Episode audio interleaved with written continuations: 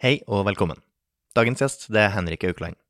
Han har vært personlig trener i over ti år, og er nå blant Norges fremste online-coacher for menn. Og som bioen på LinkedIn sier, han kan hjelpe mannlige ledere med å komme i topp fysisk form. Vi prater om vaner, kosthold, trening, og hva som må til for å faktisk oppnå livsstilsendring. I tillegg til typiske feil hos personlige trenere, og ikke minst hvorfor folkehelsa i Norge går nedover. Takk for at du hører på. Uten at jeg er noen ekspert, så ser jeg for meg at en vanlig kunde som tar kontakt med deg, er typ jeg veier litt for mye, har litt dårlig energi, har kanskje lyst på litt mer muskler, gå ned i vekt, få litt bedre kondisjon, så at jeg får en bedre livsstil. Mm. Hva skal jeg gjøre? Jeg kan si én ting, og det er at eh, ja, alle de tingene stemmer, men som oftest er det litt dypere enn det der, da. Mm. Eh, De fleste merker at de har for lite energi. Det er kanskje lav sexlyst, dårlig selvtillit og dårlig indre dialog, da. Så det å trene styrke, det å få bedre kondisjon, det å bli mykere, er jo absolutt fine ting. Men hvis man kun har på en måte mål om å bli litt sterkere eller få litt bedre kondisjon, så faller det som oftest veldig igjennom. Og gjør at eh, de som, som oftest kommer dit, eller starter der, eh, lett faller av etter en måned, to måneder, tre måneder. Fordi at eh, målet er så veldig konkret. da. De skal kunne løpe litt raskere og sånne ting. Eh, Men det jeg ser om og igjen, er at alt handler om det mentale. At de som vet, eller de som klarer å forstå eh, et litt dypere plan om hvorfor de faktisk har lyst til å komme i bedre form, hvorfor de har lyst til å få mer energi, få bedre selvtillit De som faktisk klarer på en måte å nå gjennom til det, de er som ofte de som klarer på en måte å lykkes i lengden. Mm. Så det knytta litt til, i hvert fall til det mentale da, hos menn. Ja, Ja. definitivt. Da, da er det, som du sier, dårlig selvtillit ofte, på en måte. Ikke at det er dårlig selvtillit, eh, men som oftest det jeg coacher, er da menn mellom 30 til 60 år som driver for seg selv, enten at de er leder i et større selskap eller mindre selskap, eller at de rett og slett har startet selskapet selv. da. Og det er ikke at de har dårlig selvtillit, men det er mer at eh, det er som oftest menn som har en viss høy standard for seg selv, og eh, de erkjenner da at eh, vet du hva, de siste fem årene, ti årene, 15 årene, 20 årene, så har ikke jeg prioritert meg selv. Jeg har prioritert å tjene penger, jeg har prioritert å ta vare på familien, og jeg har prioritert alt annet enn å ta vare på meg selv, fysisk da. Mm. Så um, veldig mange av de coachene har på en måte vært enten toppatleter tidligere, de har vært veldig godt trent tidligere, og har egentlig mista flyten av. Så på mange måter så er min rolle mer at jeg eh, minner dem på hvem de er, hva de har vært gode for tidligere, eller hvis de aldri har vært det, at jeg klarer på en måte å finne fram litt eh, håp og drømmen som de har da, i seg selv. Så det er folk som har lykkes på nesten alle andre plan, men nå på en måte må lykkes med helsa også. Jeg skal ikke si at jeg lykkes på alle andre plan, det, det skal jeg ikke si. Eh, Fordi det å lykkes med jobb og kanskje penger er en veldig liten del av totalbildet. Ja. Um, men det er i hvert fall som oftest folk som har en høy arbeidsmoral, og som har enten gjort det bra eller veldig bra eh, innenfor business, men at det er, la oss si på et indre plan, da, så merker jeg at de har mye mer å gå på. Hvor begynner man, ja? Nei, det første er å forstå hva de faktisk har lyst til å oppnå. Og at vi på en måte klarer å komme litt dypere enn at de har lyst til å gå ned fem kilo. Eh, For det er ikke det at hvis de hadde fått bort magen og fått en bedre holdning, så hadde de gitt totalt faen i om de veide det de veide. Men det er kroppsfasongen som de eh, ikke er fornøyd med. Og i tillegg så er det som oftest eh, kanskje lav sexlyst. Eh, det er en mangel på energi. At når de er ferdig med arbeidsdagen, så føler de seg ferdig for dagen. Selv om klokken kun er fire-fem. da. Og det betyr at når da arbeidsdagen er ferdig, og la oss si de har to barn, de har kona, de har mye som skjer, så er det rett og slett at de kommer da hjem igjen og er en dårlig versjon av seg selv. Og den dårlige versjonen går da utover enten barn, eh, kona, eh, eller bare seg selv, egentlig. Hvor at de dømmer seg selv og bryter seg selv litt ned om at de skulle gjort mer. Og så vet de at eh, å være i bedre fysisk form, og ikke minst eh, indre form, vil gjøre ting lettere. Men de har hatt lyst til i mange år, og så sliter de med å komme seg over kneika. Og min rolle er mye mer på en måte å hjelpe dem over kneika, enn å si til dem at du skal ta knebøy. Mm. Fordi, som jeg pleier å si til absolutt alle kunder jeg trener, er at det finnes tusen verden til rom. Så jeg driter totalt i om du tar knebøy eller om du tar benkpress. Det har ingenting å si. Men det eneste jeg bryr meg, er at du på en måte oppnår ønsket resultat, da. Som er um, uh, som oftest, ja, gå ned i vekt. Uh, men veldig mange har et bilde om at de skal gå på en diett, eller at de skal gjøre noe ekstremt for å få ekstreme resultater på kort tid. Og det er som oftest ikke bærekraftig over tid, spesielt da for menn som er 30-60 år, som kanskje har en krevende jobb, de har samboer eller kone, og de har barn. Og de fleste av de har ikke Det er ikke at de elsker trening, men de vet at det er bra for dem. Og jeg, ingen av de jeg coacher, selv om de har vært toppatlet tidligere eller ei, skal konkurrere da. De skal ikke konkurrere i en idrettsgren eller stille i eh, senior-VM i vektløfting. Det de jeg coacher, skal da på en måte få det bedre med seg selv og klare på en måte å få det til å bli en del, en, eh, bli en del av sin livsstil. da. Mm. Ja, det er det gode med livsstil, eh, livsstilsendring. Ikke, liksom, det handler ikke om å gjøre en diett eller trene en liten periode, så skal du gi deg, for da har du nådd målet ditt. Det er ja. jo på en måte et vedlikehold der som kreves. Ja, og du har det, det er på en måte totalt det motsatte av, la oss si, et 16 ukers helvete. Ja. Fordi 16 ukers helvete er at ok, nå 16 uker, skal bare skal spise noe sukker, skal bare sånn trening hver dag, det er sånn ting skal være så ekstremt.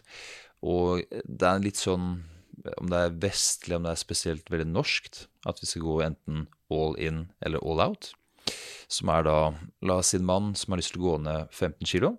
Han klarer å gå ned 13 kg på fire måneder, altså 16 uker. Og er så drittlei av det han har gjort etter de 16 ukene. Han har ikke spist noe chips eller uh, spist noe av det han som oftest liker å spise. Og han har da et bilde om at han må være så ekstrem for å nå de resultatene han vil nå, og har ventet egentlig 16 uker på å kunne ta pilsen igjen. Og da når de 16 ukene er over, han har da nådd måte, sitt vekttall, men det har ikke vært så mye prat om hvordan han har det, eller hvilke rutiner eller vaner som han har som har vært dårlige for han, som han da faller tilbake igjen på. Og da får man litt den jojo-slankinga, da. Mm. Pendelen slår tilbake. Og det jeg pleier å si til egentlig alle coacher, er at eh, det å nå et vekttall, det er ikke et hovedmål. Det er et eh, lite delmål, selv om du skal gå ned 30 kg.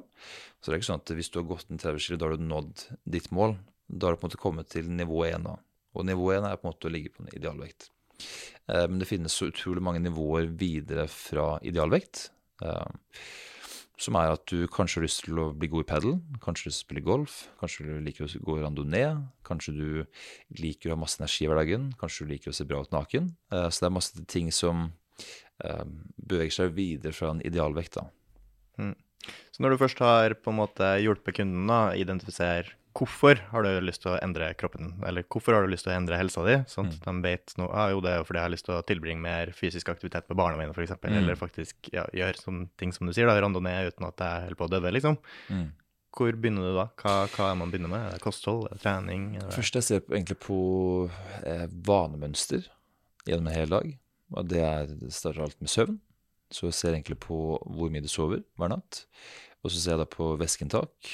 Jeg ser på Eh, hvor, hvor, mye vann de drikker, hvor mye kaffe de drikker, eventuelt hvor mye brus de drikker.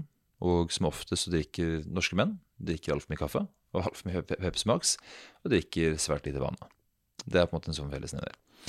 Og så ser jeg da på daglig aktivitetsnivå, på um, hvor mange skritt det har daglig, som oftest hvordan en dag ser ut fra morgen til kveld. Og så ser jeg da i tillegg på kostholdet deres, hva er det de pleier å spise i løpet av en dag, så ser jeg på uh, om de spiser sukker, okay, er det noen snacks de spiser enten ukentlig eller på en daglig basis. Og så ser jeg på om de tar kosttilskudd. Jeg ser på om de uh, drikker mye alkohol i løpet av en dag, nei, i løpet av en uke eller i løpet av en måneds tid. Og så spør jeg om de tar noen rusmidler. Og det kan være som, som oftest uh, Det er jo veldig privat, men ved å leve i Norge så vet man at det er synsk mye kokain, og det er veldig mye weed. Og sikkert andre substanser også, men i hovedsak de to. Og så vet jeg da at uh, hvis en person har lyst til å gjøre en livsstilsendring, men tar kokain én til to ganger i uken, så vet jeg at den personen kommer til å ha en helvetes utføring med å klare det. fordi at du tømmer deg selv hver helg, før du da på en måte klarer å hente deg selv inn igjen, eh, før du da på en måte går på nytt igjen neste dag. da. Så vet jeg at eh, hvis de eh, røyker mye weed, eller eh, cannabis, så vet jeg da at eh, som oftest så er de litt slakke. Kanskje de er demotiverte på jobb og har et generelt litt for lavt energinivå. da. Så jeg prøver å finne ut til større uvaner. da. Så da vet jeg trening at hva er på en måte ønsket mål? Som oftest, altså Om personen skal trene på et helsestudie eller ikke, det igjen bryr meg ikke om. Men det eneste jeg bryr meg er om hvis du ikke er villig til det, hva er du da villig til å gjøre? Så la oss si hvis personen har et hus, er du da villig til å investere i noe treningsutstyr for å da kunne lage treningsrom hjemme? da? Og eh, så er det at eh, de færreste 30 pluss har på en måte det målet om at de skal få store biceps eller å bli så jævla muskuløse. Eh, Men det er mer det på en måte å, å få en gjennomtrent kropp. da. At de skal være funksjonable til drive med randonee, skal kunne drive med noen aktiviteter. Noen har lyst til å drive med kampsport, selv om de er 45 år, kanskje 50 år. Og da er litt mitt mål at ok, hvis vi får deg da sterk, fleksibel, og at vi får opp kondisjonen igjen, da vil du være mye mer eh, mottagelig for å faktisk ta en kampsportøkt enn enn hvis du da kommer inn som 50-åring, du har ikke trent på 20 år, og er stiv som faen, og så skal du da rett inn en la oss- si brasiliansk jiu-jitsu-treningsøkt, og så får du da la oss si en strekk i skulderen eller hamstring, for at du er bare for stiv og du er for svak da. Eller et blåøye, som jeg fikk. Ja, ok, så det, det, er, det er fra brasiliansk jiu-jitsu? Ja. ja, ok, jeg tenkte på det. Ja, da, da fikk jeg svaret. Det er ikke på byen. Nei, det var ikke byen, nei, jeg var. Under hakket mer kontrollerte forhold. Ja, ja, men så bra. Ok.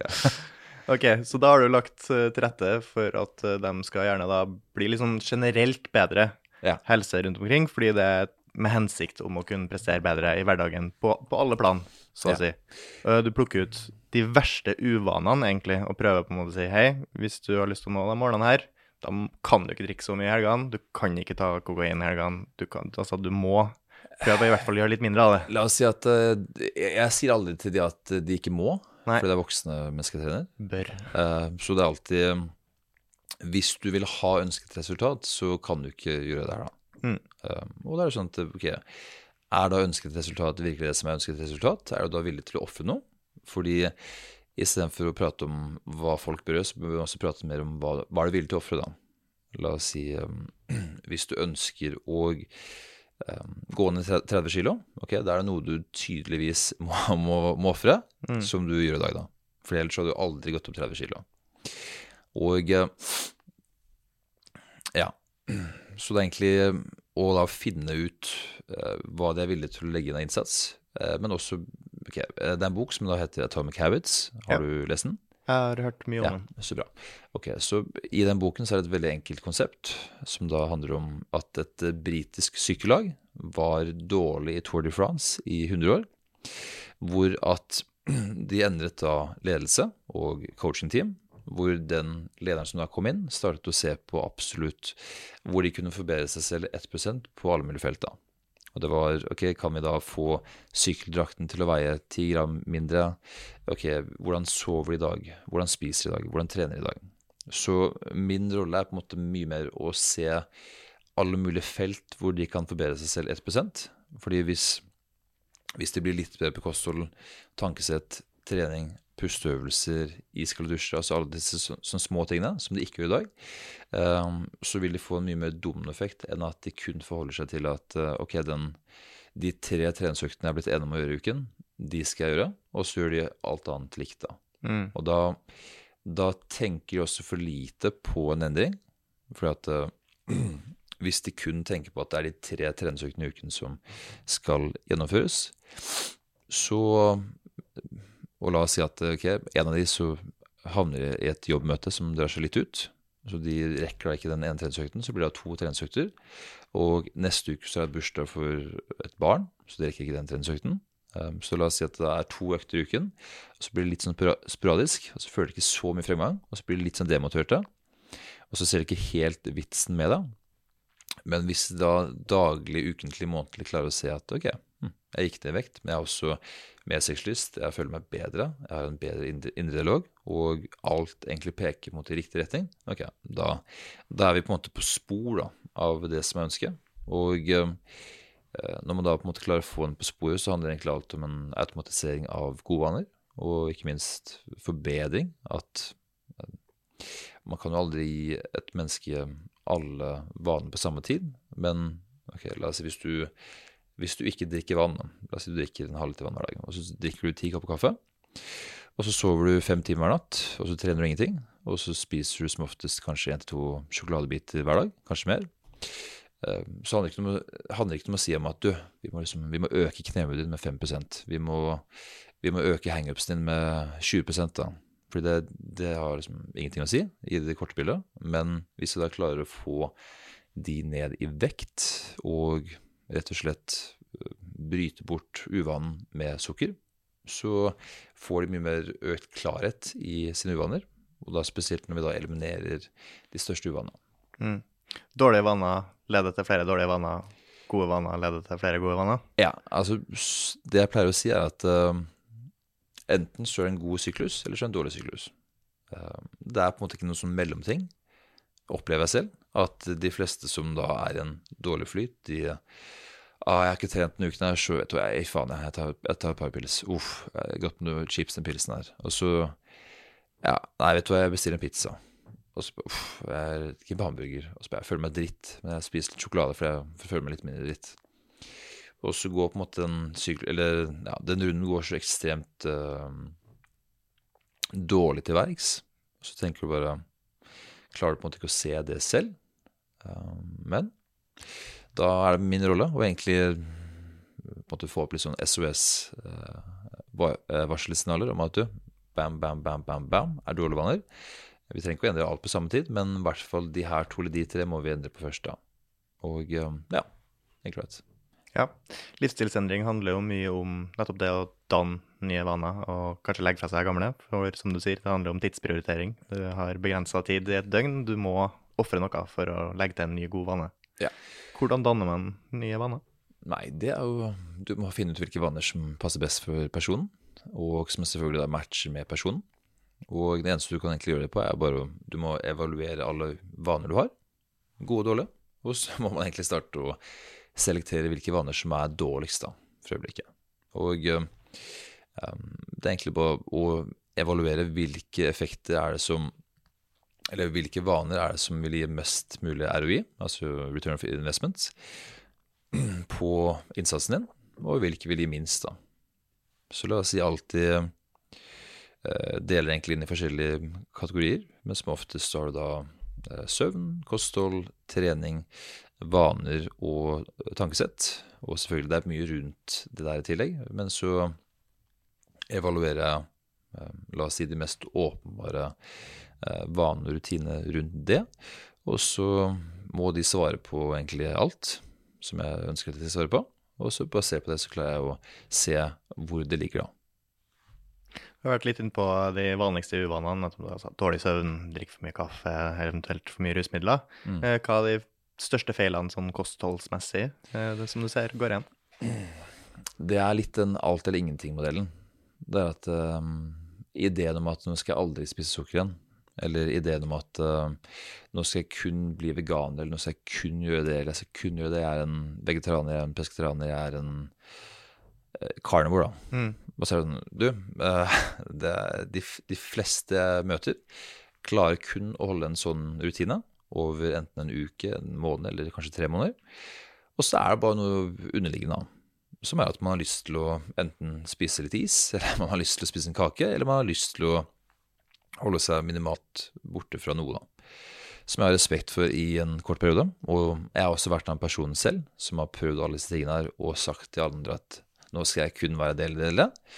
Og så må jeg på en måte bite sure eplet og akseptere at uh, det er ikke en realitet som jeg tror funker for folk flest. Og over... bite det sure eplet skal man jo absolutt ikke gjøre hvis man er carnivore. Nei, det er akkurat det. så det er, uh, det er helt riktig. Nei, så det er Overkomplisering er nok det som er caset. Ja. Um, du har Og det er egentlig case egentlig generelt sett rundt trening og helse. At det er for mye studier om alt og ingenting. Om at du må ikke spise det, eller du må ikke spise det, eller det er så mye frykt. Um, ta for eksempel at noen spør meg Henrik, er det ikke, er ikke usunt å spise banan? Ok, så kan man da reflektere, men samtidig så eh, velger da personen å spise smågodt og sjokolade i helgene. Og da er det sånn, ok, da er det på en måte en viss mangel på kunnskap og forståelse fra den personen om at den personen kan i sin villeste fantasi eh, sammenligne da at banan er verre enn smågodt og sjokolade på en lørdag. Og det er litt det samme at mange kan stå og prate om at de skal ah, jeg, jeg burde ta det anti-age-tilskuddet her, og jeg bør investere 1000 kroner i måneden på det her, eh, men så røyker de sju sigg om dagen. da. Mm. Og det er jo sånn at okay, eh, det mest anti-agen du kan gjøre, er på en måte å klare å eliminere eh, siggen. Og til du klarer det, så er, så er det ikke noe tilskudd som vil hjelpe deg like mye som det å faktisk kutte ut siggen vil være, da. Eller danne en treningsvane, eller Ja. spise litt sunnere, Jo, eller eller sove litt mer, liksom. Jo, ja. Og det er eh, Så jeg opplever at uh, altfor mange prøver på en måte å spisse seg inn som at de skal kopiere en toppatlet. Mm. Og de fleste toppatleter har som oftest et lag rundt seg, og i tillegg så er det da jobben deres å være en toppatlet. Men 99% av folk er som oftest ikke en toppatlet, og det må gi seg selv litt mer rom for slack. Jeg ville nok eliminert mye stress, og også gjort at de rett og slett ville fått et mye bedre liv, da, på en måte.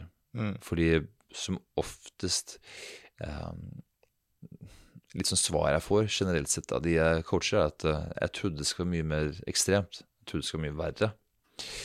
Og sannheten er at eh, hvis jeg skulle hjulpet folk over to til tre måneder for å komme inn i en bryllups... Eller la oss si komme inn i en dress en smoking til bryllupet sitt på to måneder, og så skal det gå ned 20 kilo. Og så er det sånn Ok, på mange måter skal man si at uh, man kan hjelpe en person til det, um, men man kan også bare si at uh, beklager, men du har dessverre driti deg ut. Du har gått opp for mye. Og hvis du går ned 20 kilo på to måneder til et bryllup, så kommer du til å, være, du kommer til å hate deg selv i den perioden. Og i tillegg så kommer du til å være en utrolig dårlig utgave av deg selv på bryllupet. Og spesielt da etter bryllupet så kommer du til å antageligvis falle rett tilbake da, for du har vært for ekstrem. Um, så det er litt det å klare å heller hjelpe folk med å finne de gode vanene som de kan klare å holde, og også bare akseptere ofte at de er i dårlig form. Mm. Hva med å bruke sånne her ekstreme dietter og, og ting som det som en introduksjon, da, bare for å vise, se hvor sinnssykt mye resultater man kan få hvis man legger om ekstremt mye. Mm. Og så da får du på en måte en smakebit, så det er greit. Etter de 16 ukers helvete, for å bruke det som et eksempel, du har gått ned masse, føler jeg jævlig mye bedre, selvfølgelig, men må kjempe enormt med dyp sult og dopaminønske etter å få deg noe søtt. Mm. Men da bare med den, med den forståelsen om at når du er ferdig med det her, da kan du begynne å reintrodusere. Da kan du ta kake en gang i uka, du kan begynne å drikke litt uh, sukkerfri brus, du kan liksom, da kan du begynne å reintrodusere ting til kostholdet ditt. Men da har du i hvert fall gjort den introen, da, bare sånn at du får på en Ja. måte smaken av uh, toppidrettslivsstilen. Uh, det er jo en idé og tanke der, men det er på en måte spørsmålet tilbake igjen. Hva skjer da hvis personen plutselig har gått ned la oss si 15 kilo, eller 7 kilo, og så reintroduserer du de tingene, og så går den opp igjen 6 kilo i løpet av en uke, da. Mm. Og så bare, oh shit, faen, jeg har jobbet så hardt for det her. Og, og ok, eh, nå har jeg gått opp så mye på kort tid, eller la oss si på to uker, da. Og det er jo sånn at eh, da tror de kanskje at de må gå tilbake igjen til å være så ekstreme, og de orker ikke være så ekstreme lenger. Så da starter de på en måte å slippe opp en og annen uvane, en og annen uvane, en og annen uvane. Mm. Og ja, jeg er helt enig at hvis du tar La oss si hvis du kjører keto, La oss si at du kjører keto i tre måneder Mm. for å gå ned vekt. Det gir jævlig god effekt, eh, spesielt på vekten. Ja, men det er jo sånn at eh, så lenge du på en måte klarer å holde deg noenlunde til et likt mønster etter ketoen, eh, definitivt kjøre på. Eh, Men igjen da litt denne all or nothing-mentaliteten. da. Mm. Og jeg tror de færreste klarer på en måte å være så fokuserte. Spesielt med en krevende jobb, med familie og barn. Og um, det finnes jo alltid unikummer, men hvis man ser på en generell basis, så er ca. 60-70% av Norges befolkning overvektige. Mm. Så det er tydelig at uh, det er mye modeller som ikke funker. da. Ja. Så man må i hvert fall forventningsstyre. Ja, definitivt. Så Og at tenker ikke får den motivasjonsknekken hvis du plutselig går opp i vekt igjen etter å ha Ja, slutta med keto, liksom. For Ja, altså- du kommer til å gå opp i vekt igjen. du kommer til å gå opp i vekt. igjen. Så det sånn at uh, Ikke all vekten, men Nei. noe av det. Ja. Ja. Så har man sett at eh, som oftest eh, Det var en studie jeg leste, en bok som heter Willpower. Uh, Denne studien er jo, da, er jo da fra USA, men jeg vil tippe at det er ganske likt Norge også. Men man så at rundt 90% av de som gikk på diett, veide da mer enn da de starta, som oftest to måneder etter å være ferdig på dietten. Mm. Og det er jo sånn at uh, hele, hele ordet diett er, men jeg er på en måte en feil, feil modell. Ja. Og det har jeg så erfart på, på egen hånd. Da jeg stilte i fitness for eh, Da stilte jeg for ti år siden. Ti eller ni år siden. Og da gikk jeg på en konkret kostholdsplan i 14 måneder. Uh, spiste så å si ikke noe sukker på 14 måneder. Og eh, jeg er da en person som er vok vok øh, oppvokst med brownies, jeg er oppvokst med sjokolade, jeg elsker smågodt, alle de tingene der. Og det å nekte meg det i 14, 14 måneder, hvor da de tre siste månedene var jeg på konstant underskudd. Eh, jeg frøys, jeg, var, jeg så ut som en eh, Kunden jeg trente, sa at jeg så ut som en At jeg kom, kommer fra Auschwitz. Det var, det var bare Jeg, jeg så helt jævlig ut da. Mm. Og etter det, jeg husker det første jeg det var å rappe meg selv en rap med peanøttsmør over hele. Masse kuttet opp banan, masse fra melkesjokolade som jeg liksom slice opp, og honning strødd over. Mm. Lagde jeg meg selv Og Kvikk Lunsj. Så, altså, spiste jeg sånne, og fikk da egentlig en ganske alvorlig grad av spiseforstyrrelse, Mm. hvor jeg slet med å lage meg matpakke egentlig nesten syv-åtte år i etterkant. Så jeg hadde et relativt godt mønster hvor jeg lagde matpakker og alt mulig, som var fint.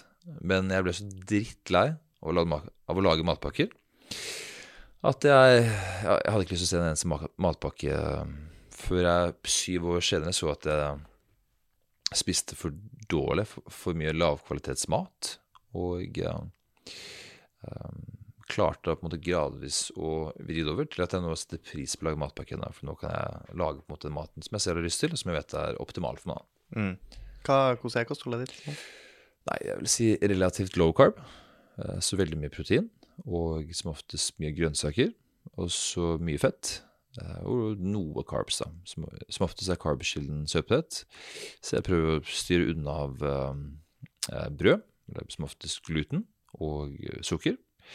Um, og hovedsak fordi jeg har eh, IBS. Så hvis jeg spiser mye gluten, eller mye brød, mye pizza, så får jeg masse luft i magen. Mm. Og så får jeg fjerter som lukter helt jævlig. Og det er ikke noe, det er sjarmerende, enten for meg selv eller for de rundt meg. Uh, Så det gjør at jeg føler meg mer ubehagelig i sosiale lag, for at jeg rett og slett fjerten lukter helt jævlig. Og så sukker. Jeg har en viss grad av ADHD, og Mm. den trigges ekstremt av sukker, så jeg sliter med å holde fokus da.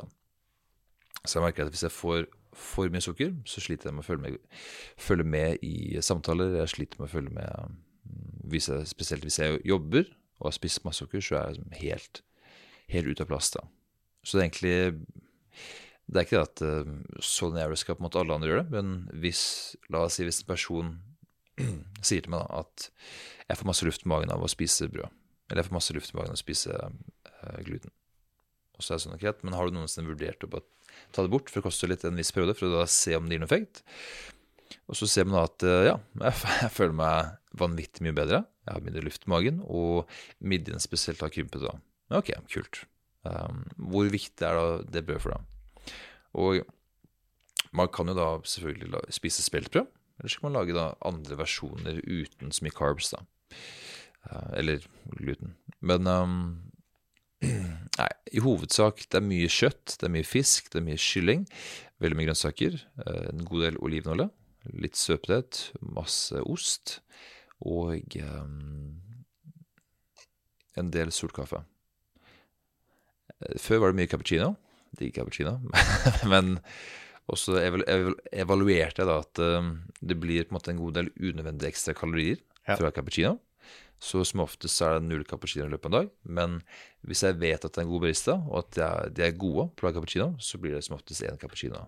Men um, Og så er det egentlig fra tidligere av så har jeg spist jævlig mye sukker, og da mener jeg mye sukker. Type at uh, som barn så gikk jeg og lette etter panteflasker, og pante egentlig flasker for å kunne kjøpe godteri og sjokolade på butikken. Så da Den største motivator for Ja. å gidde pante det. Ja. Og det ble nesten at vi lette enten hver dag, eller i hvert fall la oss si hver, hver tredje dag, som gjorde at vi hadde egentlig penger til å kjøpe godteri hver dag. da. Og eh, igjen så er da sukker mer avhengighetsskapende enn det meste som fins. Så med andre ord så som en syv år gammel gutt, så, eller ni år gammel gutt, så eh, blir man hooked, da. Og det har tatt, eh, tatt mange år med å bli unhooked. Eh, Men heldigvis så møtte jeg en fantastisk dame som heter Martina. Og hun har da gått mange skritt før meg, hvor hun rett og slett har klart å Ja, hun, hun spiser ekstremt rent, og så er hun også da ekstremt flink til å lage mat. Så hun viste meg da hvordan sunn mat kan smake ufattelig godt. Og når da den sunne maten smakte bedre enn den usunne maten som jeg spiste, så ble det mye lettere for meg å eh, snu det rundt. da. Mm. Og det er altså derfor alltid når jeg hjelper mine kunder, så er på en måte smak og matglede det som troner øverst på eh, kostholdsendring. For at hvis de kun baserer seg på at jeg må spise så mye kalorier, og jeg må ha så mye carbs, jeg må ha så mye fett og alt mulig, jævlig kjedelig. Det er veldig basic. Så eh, mat er jo da kunst. Ref. eh, Hellstrøm. At okay, han, han er en karismatisk type. Han forteller om mat på en veldig kunstnerisk måte, en veldig inspirerende måte. Ta eksempel Aune Sand eh, med kunst. Han er en veldig karismatisk type som gjør at du ser kunst på en helt ny måte. Og jeg opplever at eh, litt for mange ser på mat som bare noe du skal dytte i kjeften din, og så skal du enten gå opp eller ned i vekt. Mens mat kan være så, være så mye, mye mer, da. Ja, jeg kjenner meg litt igjen i det. For min del så er mat i stor grad, eh, grad næring. Ja. Eh, Men jeg kan også sette veldig pris på det i større grad enn jeg føler kanskje mange andre som likevel nyter liksom å få det dopaminrushet av et godt måltid. Så er det sånn, jeg er ganske takknemlig når jeg får lov til å spise meg stappmett. Liksom. Det, det, det, det er deilig, det. Ja. Slipper jeg å gå og tenke på den sulten. eh, Har du eh, Ok, plot twist, da. Hvis du, skulle, hvis du måtte valgt ett måltid som du skulle laget til sin en gruppe på seks personer, som skulle komme på middag hos deg, Ja. hva hadde du laget da? Hvis jeg ikke hadde hatt noen liksom, begrensninger, så tror jeg jeg hadde lagt, da, da hadde jeg lagt eh, en form for en biffrett. Mm. Ja. Kanskje entrecôte så noe med noe tilbehør av noe slag. Ja. Noen poteter og noen grønnsaker. Ja, Så er det i morgen mål. En deilig Ja, saus. ja. det er vel, det vil ikke ikke. Og da er det sånn Hvis jeg skal lage kosthold for meg sjøl, lage middag til meg sjøl, så gjør jeg det så enkelt som overhodet mulig. Sånn, da spiser jeg da, Jeg kan ikke finne på å kun spise kjøtt, jeg. Ja. Mine middager. For å dra gjennom mitt kosthold, da. Eh, lunsj. Jeg begynner intermittent fasting, eller ja, åtte timers vindu der jeg spiser. Mm. Så spiser jeg en lunsj som er gjerne seks egg. Kan også være et brød eller et, eh, noe ved siden av for å pynte det litt. Eh, Så hiver jeg med noe frukt, bare for jeg er litt redd for å ikke få i meg C-vitamin. Har ikke lyst på skjørbuk, selv om jeg har forstått at det er ikke så farlig med mindre man får i seg sukker. Mm. Eh, Og så spiser jeg en middagsrett som kan være kylling, fisk eller, eh, eller eh, kjøtt. Rødt kjøtt. Og da er liksom 600 gram ish av det kjøttproduktet til middag. Oi. Og etter det, når jeg har fått i meg det, så kan jeg spise akkurat hva jeg vil. Da kan jeg fråtse i akkurat hva jeg vil. Men det er stort sett typ en Ja. sjokolade, så jeg er fornøyd. Ikke sant, ja. Så du, du har på en måte as long as it fit your macros, da? Ja. Ja, jeg skjønner. Så så lenge jeg får i meg proteinmakroene mine, så er ikke det andre så farlig. Nei. Fordi jeg klarer ikke å overspise så lenge jeg har fått i meg proteinet mitt. For da er jeg, jeg finnes ikke sulten, og jeg har ikke lyst til å snakke noe mye. Mm. No. Hvor mye kjøtt uh, spiser du om dagen, tror du? Eller fisk, eller kylling? Altså, som oftest så repeterer jeg egentlig bare eh, som oftest til lunsj 1 og lunsj 2. Jeg, jeg har også periodesfaste. Mm. Eh, Som oftest spiser jeg første måltid 11, og så neste måltid typ 2 eller 3. Og da kjører jeg egentlig nesten bare en repeat på å lage karbonade med brokkoli og sjampinjong. Og eh, kanskje litt søpetett. Um, og kanskje noe mais. Og så litt eh, brie da på toppen. Digg. Mm. Og så litt srirachasaus blanda. Og eh, hvis jeg da går lei av det, så bytter jeg da, la oss si, eh, tar jeg bort uh, karbonaden, så bytter jeg med laks. Og så repeterer jeg på en måte jeg går lei, og så bytter jeg egentlig der, da. Mens middagen blir litt mer variert, da. Ja Så kjører litt, eh, litt variasjon, men eh, kjører det periodisk, egentlig. Ja, altså spesielt, la oss si lunsj én og to, jo, jo mindre jeg trenger å tenke. Og det, er, det pleier jeg å si til mine klienter, at eh, hvis du må finne på noe nytt hver dag, Mm. til lunsj og frokost eller til middag, eh, så blir det jævlig stress, og da går man litt lei. Man, det tar litt for mye tid. Så hvis du klarer å finne noe du liker til lunsj 1 og lunsj 2, eller eventuelt frokost og lunsj, så repeter det så godt du kan, så lenge du syns det smaker godt. da. Og du vet at eh, det får deg dit du vil. Ja. Jeg har prioriteringsliste. Jeg har en, liksom, noe som står på toppen av middagslista. Det er liksom, Jeg tar det hvis jeg har mulighet til det eller økonomi til det, og det er liksom en daily biff. Det, det er nummer én. Hvis jeg ikke har økonomien eller ikke har fått tak i en god biff, så er det sånn, ok, steg to, da blir det liksom kylling, lårfilet eksempel. Ja. Hvis jeg ikke får tak i det, nei, greit, da blir det fisk, da blir det torsk eller laks. Og Hvis jeg ikke får tak i det, så blir det noe under der igjen. sånn. Klatrer vi oss ned. da, da løper du og tar en ekorn eller noe. Ja. Ja, er bra. Aldri. Eh, men eh, ja, nei, for min del så jeg liksom alltid Jeg har lagt til rette for at jeg kan skje ut, da. Så lenge jeg holder det kostholdet her typ 80% av tida, så lenge 80% av min næring kommer fra det man kaller råkoster, altså Mm. liksom eh, råvarer som kjøtt, fisk, eh, kylling og frukt og grønnsaker, så kan på en måte alt det andre Jeg klarer ikke å skje ut med. Det går ikke. Jeg klarer Mm. ikke å liksom spise meg tjukk hvis jeg Nei. sjøl skulle prøvd. Hvordan er, eh, Har du noen kroppslig irritasjon? Magen eller tarm? Nei.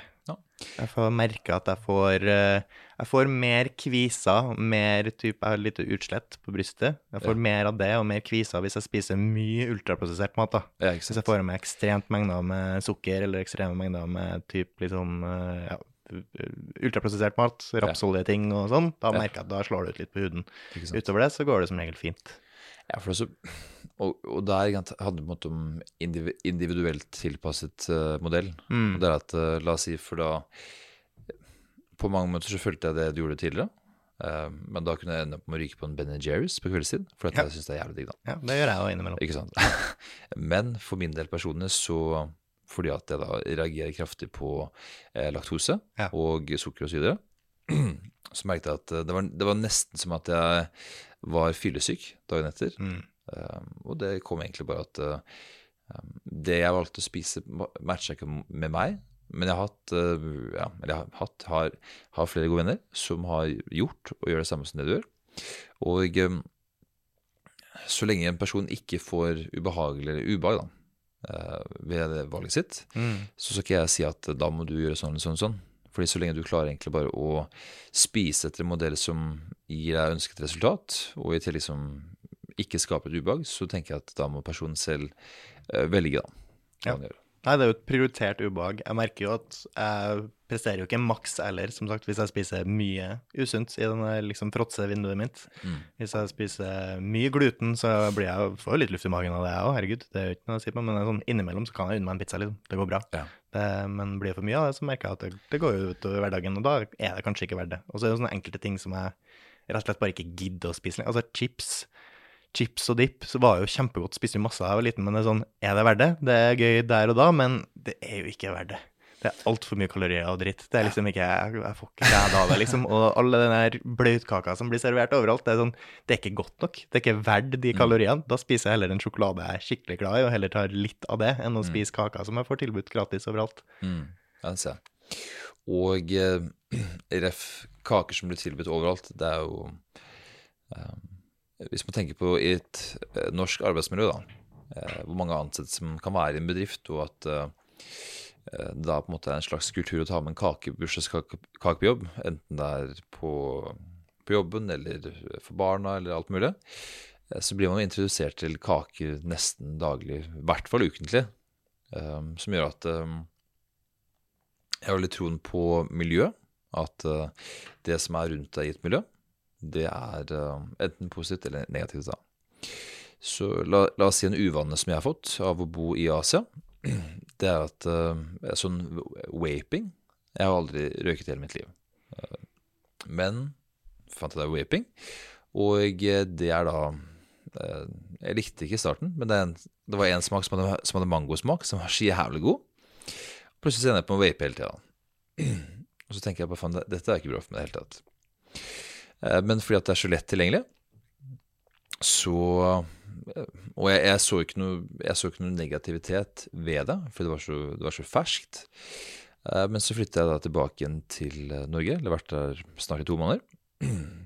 Og senest på søndag så kom da Eller mandag så kom dama hjem etter en tur i utlandet. Og eh, hun hadde kjøpt med vape til meg. Og og det første jeg sier, er at kan du være snill å bare legge bort den vapen der og gjemme et sted som ikke jeg kan se den? Fordi umiddelbart så merker jeg at eh, lysten min for å vape øker. Ja. Og det er en bok som heter Why Willpower Doesn't Work, som egentlig handler om at eh, det har ikke så mye å si om hvor sterk du er villemessig sett, fordi det er miljøet som bestemmer for det. Så la oss si at hvis vi hadde hatt en, ja, en bolle her med, la oss si, Smash, så er oddsen ekstremt høy for at du og jeg kanskje har tatt én eller to Smash Bitter, selv om det er bråk som et helvete i mikrofonen, eh, bare for at det står der. Du har på en måte lagt en pasning til det, og jeg tar imot det. Men hvis det ikke hadde vært her, så ville jeg aldri tenkt på den Smashen. da. Og det er litt sånn Det da man ser på forskningen, er at uh, hvis du da har fullt av pasninger i hverdagen som inspirerer deg til å faktisk uh, være aktiv eller være sunn, så vil oddsen øke betraktelig for at du faktisk gjør det da.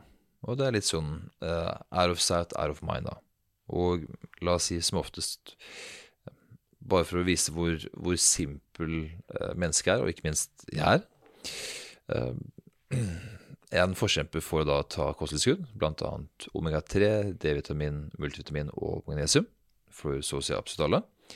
Men til og med jeg, som da oppfordrer til det og vet at hvor bra det er, hvis det står i skapet, så kan jeg ende opp på å glemme det. Det er plutselig bare Faen, det har gått ti dager, og jeg har glemt det. Men hvis det da står framme på kjøkkenbenken til enhver tid, og det står et glass ved siden av, så jeg slipper å tenke, jeg bare ser det, så bare tar jeg det ut, og så tar jeg det. Smack, det er gjort. Fordi at det er så lett for meg å huske på det. Mm. Og um, ref egentlig alt vi prater om i dag, så tror jeg at eh, det er for lite daglig påminnelse om å ta gode valg. Så den letteste måten å faktisk ta bedre valg på, er å ha daglige påminnelser på mange måter, store og små, som gjør at du faktisk velger å ta riktige avgjørelser. Mm. Jeg hørte også en podkast som prata om det, nettopp det der rundt påminnelser og vanedanning. Det at noe av det som funker mest, det er faktisk bare å bli påminnet. Ja, Sånn, husk, hei, husk å dra på trening i dag. Ja. Så lenge du får den eh, et par ganger i løpet av dagen, så er det utrolig mye høyere sjanse for at du faktisk drar på trening. jo, ja. Og den viljestyrken du har, den trenger du Du trenger bare nok viljestyrke til å legge til rette for gode vaner. mm, Jeg merker at altså, alle kjenner vel på det. Hvis du har noe godteri i huset, så er det lettere å plukke noe godteri. ja. Hvis du bor jævlig nære gymmen, så er dørstokkmila utrolig mye kortere for å dra til gymmen. Mm. Jeg, en av grunnene til at jeg flytta hit, jeg flytta, var fordi jeg hadde lyst til å begynne på frontline og lyst til å begynne med kampsport. ja. Ok, greit, da må jeg bo nære nok til at jeg faktisk tar det steget og begynner på det. Mm. Og da flytta jeg nære. Ja, nå har jeg faktisk begynt på det. Det var liksom, det var ikke verre enn det. Det. Og det er litt med treningsutviklinga som jeg føler at kanskje mange har i løpet av et uh, livsløp, i hvert fall av dem som trener aktivt. Så er det sånn, til å begynne med så ville jeg bare bli større og sterkere. Var jævla tynn da jeg var liksom 17 år. Syltynn og like høy som jeg nå. Mm. Og så begynte jeg på gymmet, trente meg opp, gikk opp ganske mange kilo med en gang og ble liksom jøss. Det var det, var, det, var det alt som skulle til. Ja. Vips, så var jeg stor. Ja. Og så har det på en måte fortsatt i den, det løpet der, så jeg har aldri liksom funnet en idrett der jeg nødvendigvis presterer veldig godt. Så det er sånn, ja, greit, hold meg i form og dra på gymmet og se bra ut og føle meg sterk. Fint. Og så når det kommer opp i årene, så er det sånn, jeg får en skade her og der, og det er på en måte mer hemmende med skader. Mm. Og da er det sånn, shit, jeg må begynne å trene skadeforebyggende. Det er det jeg må, for jeg orker ikke å være skada. Det er dritkjipt, liksom. Mm. Det er like kjipt som å være syk, og det vil man jo ikke. Så jeg har på en måte gått mer og mer mot hva er sunt, hva er liksom longevity, health span, alt rundt det. Jeg har hørt mye på podkaster med Human, Peter Atia, Andy Galpin, hele den gjengen der.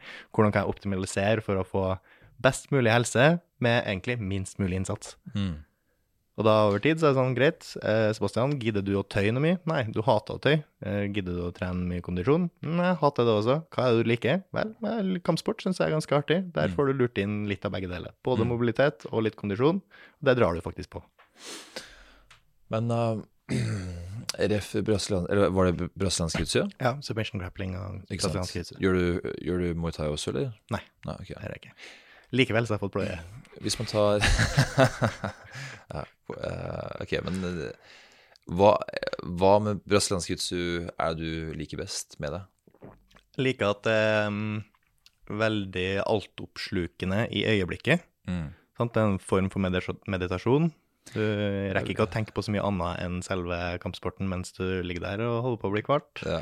Så det er liksom Det er både teknisk, og du må tenke, og du slipper å tenke på noe annet.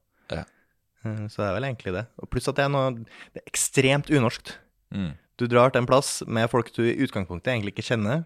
Helt randome randomme folk, og så slåss man, og de har på en måte livet ditt eller arma di i sine hender på et tidspunkt. Mm. Man ligger der tett inntil folk og svetter på hverandre, og liksom, og så har man ekstrem respekt, og det er bare sånn Ja, det der gikk an. Det, Mm. det er ikke farlig. Nei. Så det er noe litt vakkert over det òg. Hvor, hvor lenge har du holdt på med det? Nå er holdt på et år, nesten. Merker du noe endring mentalt sett fra ett år tilbake til nå?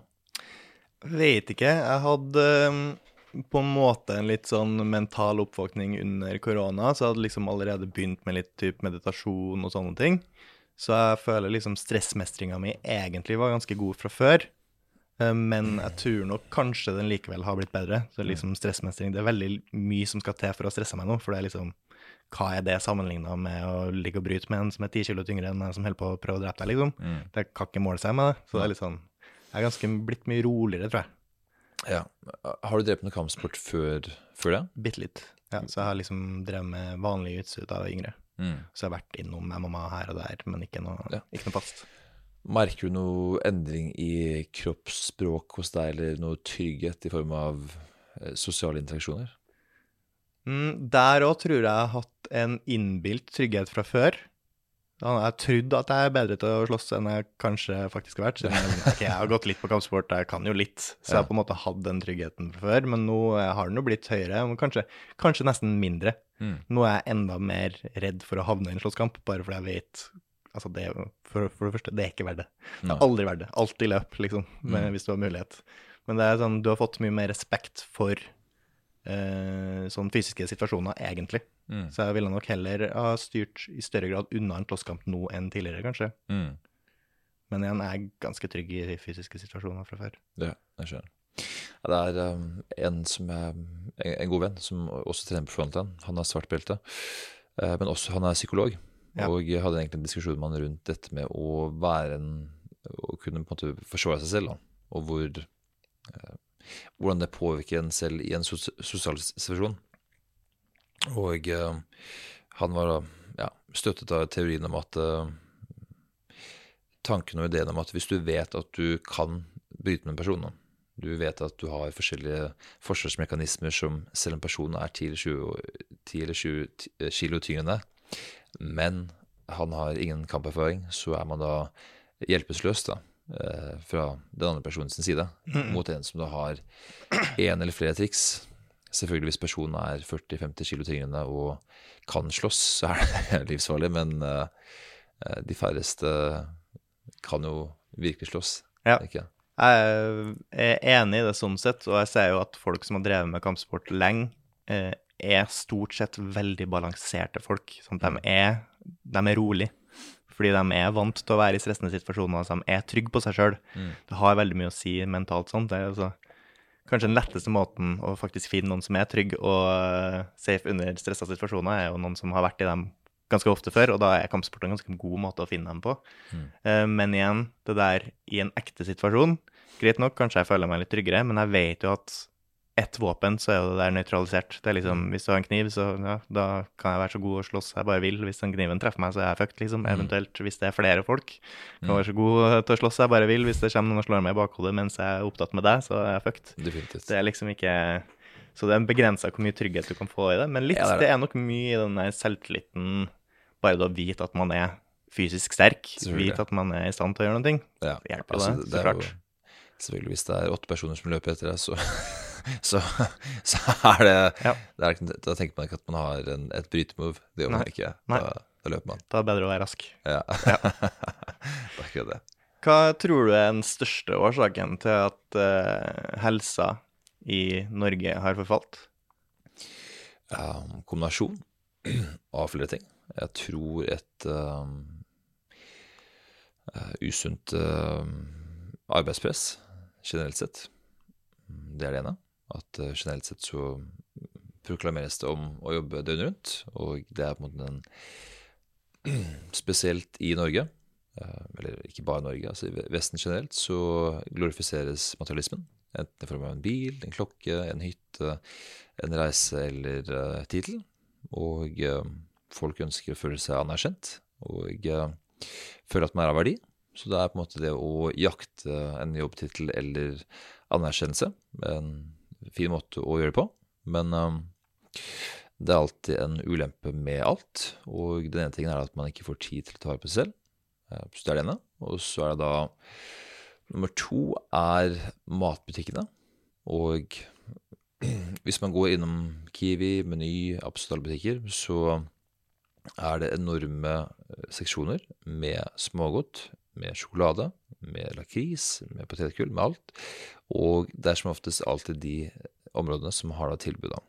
Så det er uh, melkesjokoladeplate for 20 kroner, eller fem stykk for 100. Og um, det er en såpass lav kostnad, er dritbillig, men det er da instant, uh, instant uh, pleasure. Så en simpel måte, tror jeg, å fått ned overvekten på fedmen i Norge, det er å eliminere totalt godteri og smågodt og sjokolade fra matbutikken til at matbutikken er da mat, og så er da godteributikken godteri, da. Mm. Fordi tilbake til out of sight, out of mind. Og hvis folk da måtte gått inn i en godteributikk for å kjøpe sjokolade eller godteri, så er det litt et mye større valg da, man må ta. Og da spesielt på en tirsdag, hvor man vet at uh, jeg burde egentlig ikke spise sjokolade nå, men du har da handlet alt, og så ser du da i kassa så står det da 'ta med en Kiwi' for ti kroner. Så tar du med Kiwien, og så tenker du ikke noe over det. Spiser hun, smakk, du har glemt det i løpet av et par minutter. Eh, fordi den går jo tom på null komma niks. Og så har du da spist 400, 400 kalorier til. da. Uh, I tillegg så er det slik at um, vi har en veldig kosekultur i Norge. Skal være, alt skal være kos. Det er uh, kaffekaker til uh, hva, hva, enn, som er helt, helt latterlig. Mm. og det er Vi skal på en måte ikke kose oss hele tida. Jeg syns det er en sånn illusjon, sånn falskhet om at vi skal kose oss hele tiden, og det er, bare, det er så fjernt. Um, så det er egentlig en sånn uvane, og spesielt Jeg eh, skal ikke si at det er sånn det er, men jeg opplever at jo mer du på en måte kommer ut fra Oslo, eller i hvert fall eh, litt mer eh, bygder, så er det som oftest ja, Vi må jo ha kaffe og kaker til uh, dessert. Og ikke, ikke, at det er noe galt i det, men det er bare at hvis du hele tiden måtte gjøre sånn på en tirsdag, på en onsdag, på en torsdag, på en fredag, mm. så er det jævlig vanskelig å holde seg i form, da. Fordi, fordi det er altfor mye søtsaker i løpet av en ukes tid. Ja. Og eh, det er ikke så mye som skal til for å gå opp en halv kilo en kilo i uken. Og de fleste fordi at de er overstimulert uh, av jobb, av alt mulig. Uh, og så glemmer de da å, um, beholde de gode rutinene. Så det er egentlig, det er egentlig en sånn kombinasjon av mye. Det er ikke en enkel grunn, uh, men det er også litt sånn kollektiv. Og det merker jeg veldig av å ha bodd ute en stund i eh, Asia, for så å komme, tilbake til Norge. Eh, spesielt på Bali, der jeg bor, så er det generelt sett ganske mye veltrente mennesker. da. Mm. Eh, man ser ikke så mye utrente mennesker der. Av lokalbefolkningen, men også fordi det er mye, ja. mye tilflytting av eh... My, mye, mye, turisme, men ja. også lokalbefolkningen. Altså, det er ikke at eh, lokalbefolkningen er ekstremt godt trent, men veldig mange surfer. Um, holder seg i relativt grei form. Veldig mange av de som har reist dit av uh, enten fra Europa eller Asia eller USA, ja, hvor enn i verden, mm. har som oftest en litt høyere interesse for helse og trening enn mange andre steder i verden. Mens f.eks. når vi dro til Malaysia, dro til hovedstaden Kuala Lumpur, og der så jeg nesten ikke et eneste trent menneske. da. Og det er da for at uh, der, ut fra det jeg forsto, så er arbeidskulturen helt sinnssyk. Folk jobber fra si om morgenen til ett, to, tre på natta. Og sånn gjør jeg det fem til syv dager i uken. Mm. Um, og spørs liksom, alt spørs på kultur. Um, så jeg mener at Norge har alle forutsetninger for å være sunne. Um, men vi har også jævlig mye grums i kulturen vår, som gjør at folk generelt sett uh, vil ende opp med å kose seg litt for mye.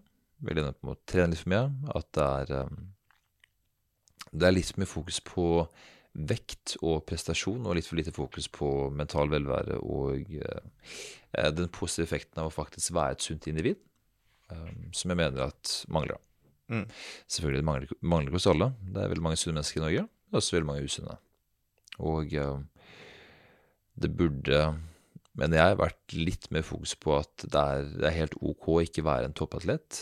Uh, men det er ikke sunt å være um, veldig usunn, og da spesielt for ens egen mentale helse. Hvis man tenker på hvor mange i Norge som går på Nav, helt ekstremt, og uh, hvor mange som ikke har det bra med seg selv, så hvis man tenker på en slags eh, prestasjonskultur, eller bare et, et land som kunne beveget seg i riktig retning, så mener jeg at eh, hvis du har en armé, eller ikke en armé, men altså, du har en befolkning på x antall millioner, og hvis alle sammen, eller i hvert fall oppfordres til å ta vare på helsen sin, hvilken effekt det ville hatt både på psykisk eh, velvære, på livskvalitet, og ikke minst også hvordan det ville påvirket samfunnet i helhet økonomisk sett. da. Mm. Fordi hvis man har fått folk ut av en depresjon eller kroppslige plager Altså, jeg tror det var um, Uff. Jeg husker ikke om det er 25% eller 50% av menn over 25 år eh, rapporterer om eh, at de har ukentlig vondt i ryggen. Mm. Og jeg tror 50% av alle sykemeldere i Norge går til ryggproblemer. Og eh, som oftest er ryggproblemer altså, Som oftest, da, er det at de sitter for mye. De, for stiv, de er generelt for stive. De er for tunge. De har dårlig holdning, det er tung mage. Og de rett og slett gjør ingenting for å redusere plagene sine. Så de plagene er da konstante. Og det hjelper ikke å dra til en kiropraktor hvis du er 130 kg og du har vondt i ryggen. Eh, da må du få gått ned i vekt og fjernet da problemet, istedenfor å eh, legge et røykteppe på et problem i en ukes tid. Mm. Ja, jeg vil jo tro kanskje så mye som 99% av alle ryggplager kunne ha blitt på en måte endra med en livsstilsendring. Det trengs ikke operasjon eller uh, medisiner for å fikse det. Ja, altså det er jo f.eks.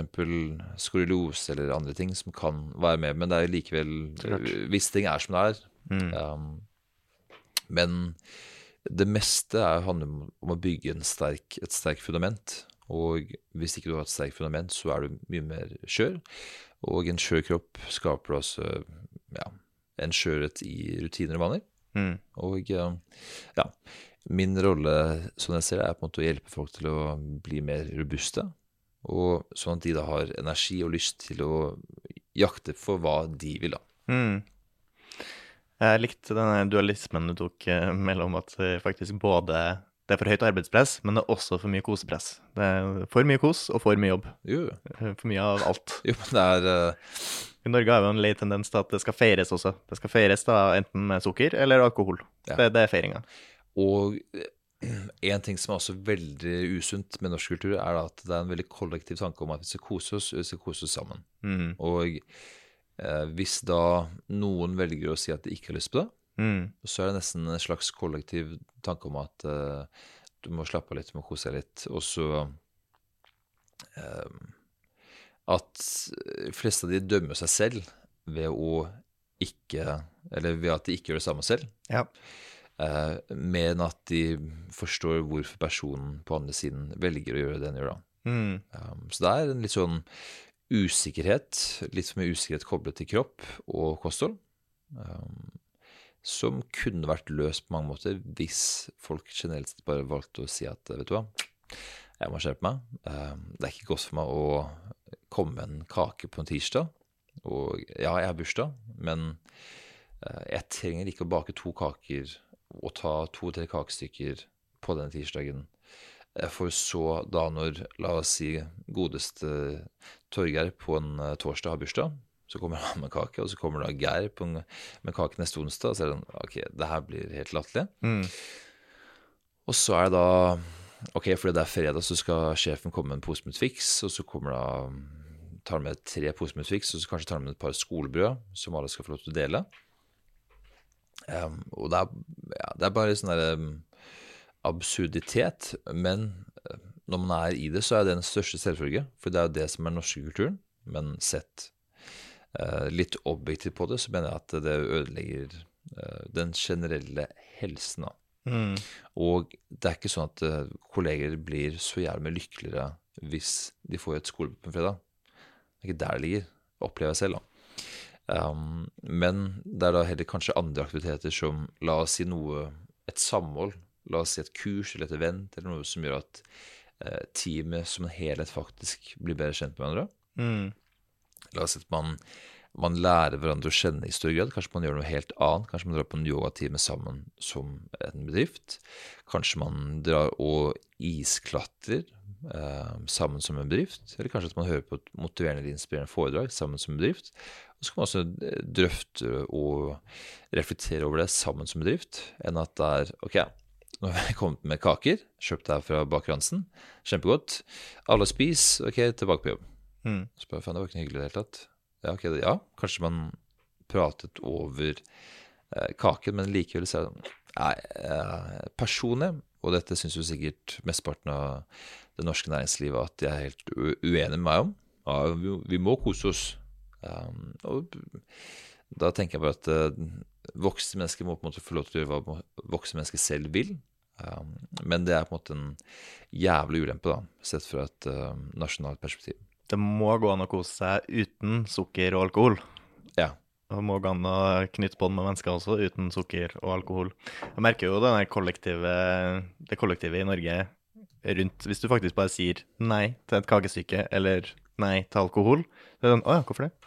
Mm. Hvorfor, hvor, hvor vil du kake? Å, er det på noen diett eller noe? Er det noe spesielt med Nei, jeg, jeg synes ikke det er så godt. Det, det er ikke for meg, det er ikke verdt det. Du må kose deg. Takk for meg. Mm. Men det er liksom, med en gang så blir du peila ut, og det er så lett å liksom ta tak i det og prate om det. Og nesten hver setting så blir du spurt. I hvert fall kanskje tyngst på alkohol. Jeg har gått store perioder uten alkohol, gjør det nå. Mm. Og da, det er veldig sjelden du er på en fest der du ikke blir spurt om det. Mm. Sant? For jeg kan være med på fest der andre drikker, og så kan jeg ikke drikke. Og så er det sånn, hvorfor ikke? Hvorfor ikke? Et triks kan jo alltid være å ta med litt eh, Farris, lime og som, ja. isbiter, Mm. og så bare går du rundt med det. Og så bare ja, ingen tenker på det da. Mm. At det er, eh, fordi jeg, jeg har også gjort det samme som det du gjør. Og eh, jo mer det på en måte ser ut som du drikker, jo mindre trenger man å prate med deg. Ja. Og det er eh, Hva skal man si Jo mindre fokus man trenger å ha på det, jo mer kan man altså være med uten at det blir på en måte en debatt. Ja. Hvor folk bare 'Hæ, har ikke du drukket hele kveld?' Mm. Tror du, tror du har tatt masse drinker? Ja. Merket du noen forskjell? Nei. Nei, jeg har hatt den et par ganger, jeg òg. Um, jeg merka at du retta litt eh, hat mot kosekulturen på landet og bygda. Jeg har lyst til å rette litt hat mot kosekulturen også i byen, Mm. for det er mye snacking. Og det er helt greit å um, liksom påpeke godteri som, ja, store, stygge synderen, men jeg mener jo også at det er en stor synder i den her snackekulturen på alt som utgir seg for å være sunne snacks. Sånn at en mellombar her, en yoghurt der. Det er liksom, Folk trør i seg noe hele tida, og det, det er ikke sunn mat når du trør i deg for mye av det. Mm. Det er liksom, det er ikke bra mat. En mellombar er ikke råkost. liksom, Det er drit. Det er sukker og nøtter og ja, Det er drit, liksom. Mm. Slutt. Så jeg har mer, mer forakt for mat som utgir seg for å være sunn, men som ikke er det, enn godteri. Fordi med godteri og sjokolade så er det på en måte Da er du ærlig. Det her er, det her er kosemat. Mm. Det her er ikke næring, det her er kosemat. Du vet at det er godteri, men den som havner liksom imellom der, som er sånn Ja, vi er sunn, det er sunt å spise det her, det her er ikke godteri. Jo, det er faktisk også godteri. Slutt å late som det ikke er det. Ja, altså Man kan jo på en måte si at uh, Ja, man kan måtte rette talt, på en måte, men igjen så er it is what it is. Og matindustrien ønsker å tjene mest mulig penger på hvert individ. Um, så tenker at istedenfor å rette talt med, skal man heller prøve å være løsorientert for, uh, for de som faktisk benytter seg. da. La oss si at hvis en person spiser to mellombar da, hver dag, ok, at hvorfor gjør du det? Ok, Antageligvis fordi du spiser for, for liten lunsj eller at du spiser en for liten frokost. Og at det du egentlig gjør, er at du prøver å få kjapp energi. Og så tenker du at uh, ok, jeg har ikke lyst til å kjø kjøpe New Energy jeg har ikke lyst til å kjøpe en sjokolade, men jeg kjøper da denne proteinbaren fordi at uh, jeg har ikke spist nok da. Og dette er da et bedre alternativ enn at jeg ryker på noe drit. Og det er sånn, ja, det er jo det er et bedre alternativ, men hva om du heller valgte å spise en litt større porsjon med det du faktisk skal spise da? Så det er, Ja, man kan på en måte rette et hat mot snackekultur, men likevel så uh, Matindustrien er på en måte som matindustrien er. Man kan på en måte finne alltid de svarte fårene overalt. Um, men da mener jeg at det er bedre heller Hva skal man si Opplære de som eh, ryker på det, og så Mm. heller få dem til å ta, en, ta en, et eget valg, da. Fordi mellombarer vil for evig antageligvis være en del av matbutikkene. Um, og da er det bare sånn det er. Og da, da er det sånn at eh, hvis man skal bruke et grad av energi på å faktisk irritere seg over det, så er det kun du, du selv som blir irritert. Ja, Um, mens la oss si hvis man har hjulpet en person, og den personen i dag spiser av to eh, barer da, hver dag, mandag til fredag. Ok, hvorfor spiser du egentlig de to barene? Nei, det er sunt. Ok, Men det er ikke så sunt. Har du sett på næringsnåla? Oi, wow, det er litt mye sukker. Ja. Ok, um, hvordan spiser du ellers? Nei, jeg spiser, jeg spiser bitte litt yoghurt da, med litt granola og litt bær. Ok, hva om vi heller øker mengden der, og så øker du heller lunsjen i tillegg, så du blir mer mett, så slipper du å tenke på det i mellommåla. Ja. Oh, ja, ok, det var behagelig. Nå, okay, nå er jeg ikke så sulten gjennom hele dagen. Um, så da er det lettere for personen å da klare å holde seg fra måltid til måltid, enn at de hele tiden må ha mellommål. Og det er litt der um, Litt å lure seg selv om at ok, jeg skal, jeg skal være flink, så jeg skal spise en liten porsjon til frokost. Spiser en liten porsjon til frokost, og så merker du at faen, jeg har ikke nok energi, så jeg, jeg går og kjøper meg en mellombare. Det har ikke så mye å si, det er bare en liten mellombar. Kjøper du deg den, og så spiser du lunsj. Jeg skal være flink, jeg skal ta masse salatblader, så tar jeg litt kokt egg, og så kanskje tomat og agurk. Ok, altfor liten salat, og så kommer da klokken to, og så bare faen, jeg er jævlig sulten, jeg må ha en mellombar til. Mm. Kommer det middag, så overspiser, overspiser du til middagen. Og det er sånn Ok, er da mellombaren synderen, eller er da personen selv synderen som velger å spise for liten frokostlunsj, da? Ja. Nei, problemet mitt med det er nok heller den der eh, at det utgir seg for å være sunt. Så at når folk som faktisk har et mål om å velge en, et, ta et sunnere valg, da, går for da mellombaren uten at de på en måte er klar over at det finnes andre alternativ. Så derfor går de for det, for de tror at det er det sunne alternativet, men så er jo det faktisk ikke et sunt alternativ. Så det, liksom, det lurer folk som faktisk ønsker å gjøre noe bra. Men jeg er jo helt enig med deg, for å ta min teori om hvorfor eh, liksom, folk og helsa har gått nedover, så er mer ultraprosessert mat, og ikke lat som om dere ikke vet hva ultraprosessert mat er. Det er mat med altfor mange ingredienser, smaker altfor godt, fullt av sukker og fullt av planteolje. Det er, det er 80% av butikken. Alt som ikke er ultraprosessert, er ting der du kjenner igjen. For å si det på en annen måte. Vet du hva dyret det kommer fra, eller vet du hva planten det kommer fra? Åpenbart ikke ultraprosessert. Og ikke kom med den der ja, grovbrød og også ultraprosessert mat. Ja, det er ikke grovbrød som er problemet, det er alt det andre, og det vet vi. Men litt mer ultraprosessert mat, så folk får i seg litt mer kalorier, for du tar opp mer energi fra det, og mye mer inaktivitet. Bitte litt mer kalorier om dagen over lang tid, da går du opp i vekt, og da blir du sykere. Så enkelt er det. Og jeg tror mye av problemet, spesielt hos nordmenn i dag, det er at folk spiser ikke nok protein. Og når du ikke får nok protein, da er du sulten hele tida. Da blir du sulten hele tida, og du kan ikke jobbe mot den sulten. Altså. Det er noe av det verste som finnes, å prøve å jobbe mot sult. Hvordan skal du klare det? Det er dritvondt å være sulten. Du må få i deg nok protein, så at du faktisk blir mett. Mm. Og mens i dag så er det sånn, ja, spis en yoghurt til frokost. Det, er ikke, det, er ikke, det holder ikke. Du blir ikke mett av det. Du, får, du må få i deg nok proteiner for å være mett. Og det, når jeg får i meg bare 30 gram protein, som for, kanskje høres mye ut, kanskje høres lite ut for noen, da holder jeg meg mett. Da holder jeg meg mett. Kjempelenge kan jeg holde meg mett på det. Men hvis jeg får i meg mindre enn det, da blir jeg sulten igjen om en liten time. Sulten igjen om to timer. Sulten igjen hele tida. Så den der, at folk må innse at de må spise mer proteinholdig mat, bare for at da slipper du å kjempe mot sulten din hele tida. Mm. Ja, Min teori. jeg er helt enig. Mm? Og det er, eh, det er som oftest noe jeg alltid pleier også å poengtere i hvert kosthold, eller hvert måltid, at eh, du må ha en base som er en proteinbase, og så eh, legge på grønnsaker og noen form for fett, eller carbs, for den saks skyld, men at proteinbase må alltid være der. Du kan ikke bare spise havregrøt med masse banan og masse sukker, eh, men du må da klare på en måte å ha noen base som utligner hele, da. Og at da heller ikke blod- blodsukkeret spiker, da. Mm. Hvor mye protein anbefaler du dine klienter? Eh, Som oftest 1,5 gram, Ja. eh, eller, eventuelt mer. Men som oftest at man ikke kommer under 1,5 gram. 1,5 gram per kilo kroppsvekt. Ja, korrekt. Og det eller mer. Ja, stemmer. Helst ikke under. Ja, Men det er ikke Man ser ikke så stor forskjell på 1,5 eller 2 gram, men man Nei. kan se hvis en person har lyst til å optimalisere, optimalisere, så kan det være at du kanskje henter ut et par prosent ekstra. Men det er ikke så um, Det er gjort masse metastudier på det, så man da ser at det ok, det er ikke så stor forskjell. Eller man, mange sliter med å egentlig se noe som helst forskjell. Mm. Um, men at um, spesielt da skal du gå ned i vekt, så er det smart, som du sier, for å holde deg mett. Mm. Og ikke minst um, beholde mest mulig muskelmasse når du går ned i vekt. Men også, men også viktigst av alt at protein smaker faktisk jævlig godt. At en god biff er godt, en god kylling er godt, eh, fisk er godt. Altså alt det er Det gir eh, tyngden når du, når du tygger et måltid. Eh, det er mye, mye bedre å tygge en god biff enn å bare spise grøt. Mm. Eh, det blir kjedelig. Så man trenger litt den motstandskraften i tygget for å faktisk også, mener jeg da, for å få litt eh, god smaksopplevelse. Mm. Jeg sikter på to gram per kilo kroppsvekt, eh, men havner på en måte litt under innimellom. Mm. Jeg bare sikter litt høyere, bare sånn at jeg i hvert fall er sikker på at jeg ikke faller under. Fordi som sagt, det- er nesten ingen nedsida ved å gå for høyt, Mm. eh, mens det er nedsida ved å gå for lavt.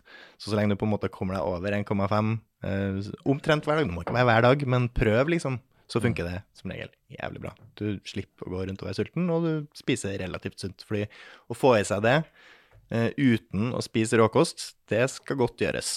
Mm. Uh, også hvis du går på en vegansk diett, da må du være veldig flink hvis du skal få i deg nok proteiner uten å gå med kalorioverskudd, for det, det, da må du være flink. Mm. Du må være skikkelig dyktig. Men så er det også det at hvis du går på en vegansk diett, så er det vanskelig å få i seg alle aminosyrene. Ikke sant? Så automatisk så Sånn som lausin eller andre aminosyrer, så må du egentlig få dem gjennom tilskudd. Mm, du må spise mer variert, du må ta mer kosttilskudd eh, Ja. for å få rett aminosyre også, men, og du må også gjerne kanskje spise litt mer protein igjen, Ja. og da ryker du på kalorioverskudd-problemet. Og det man, det man Eller jeg kan si at man ofte ser, men man kan se flere tilfeller av folk som La oss si influensere som velger å være en veganer eller vegetarianer, og så plutselig bytter over til å bli en carnivore. Mm, Og det er sånn OK, du, come on. Det er, det er eh, um, Hva om heller prøve på en måte å finne en balanse? Ja. Mellom at du hold, beholder på en måte det positive med å være en vegan eller vegetarianer, og så beholder du det positive med å være en um, carnivore. Da. mm.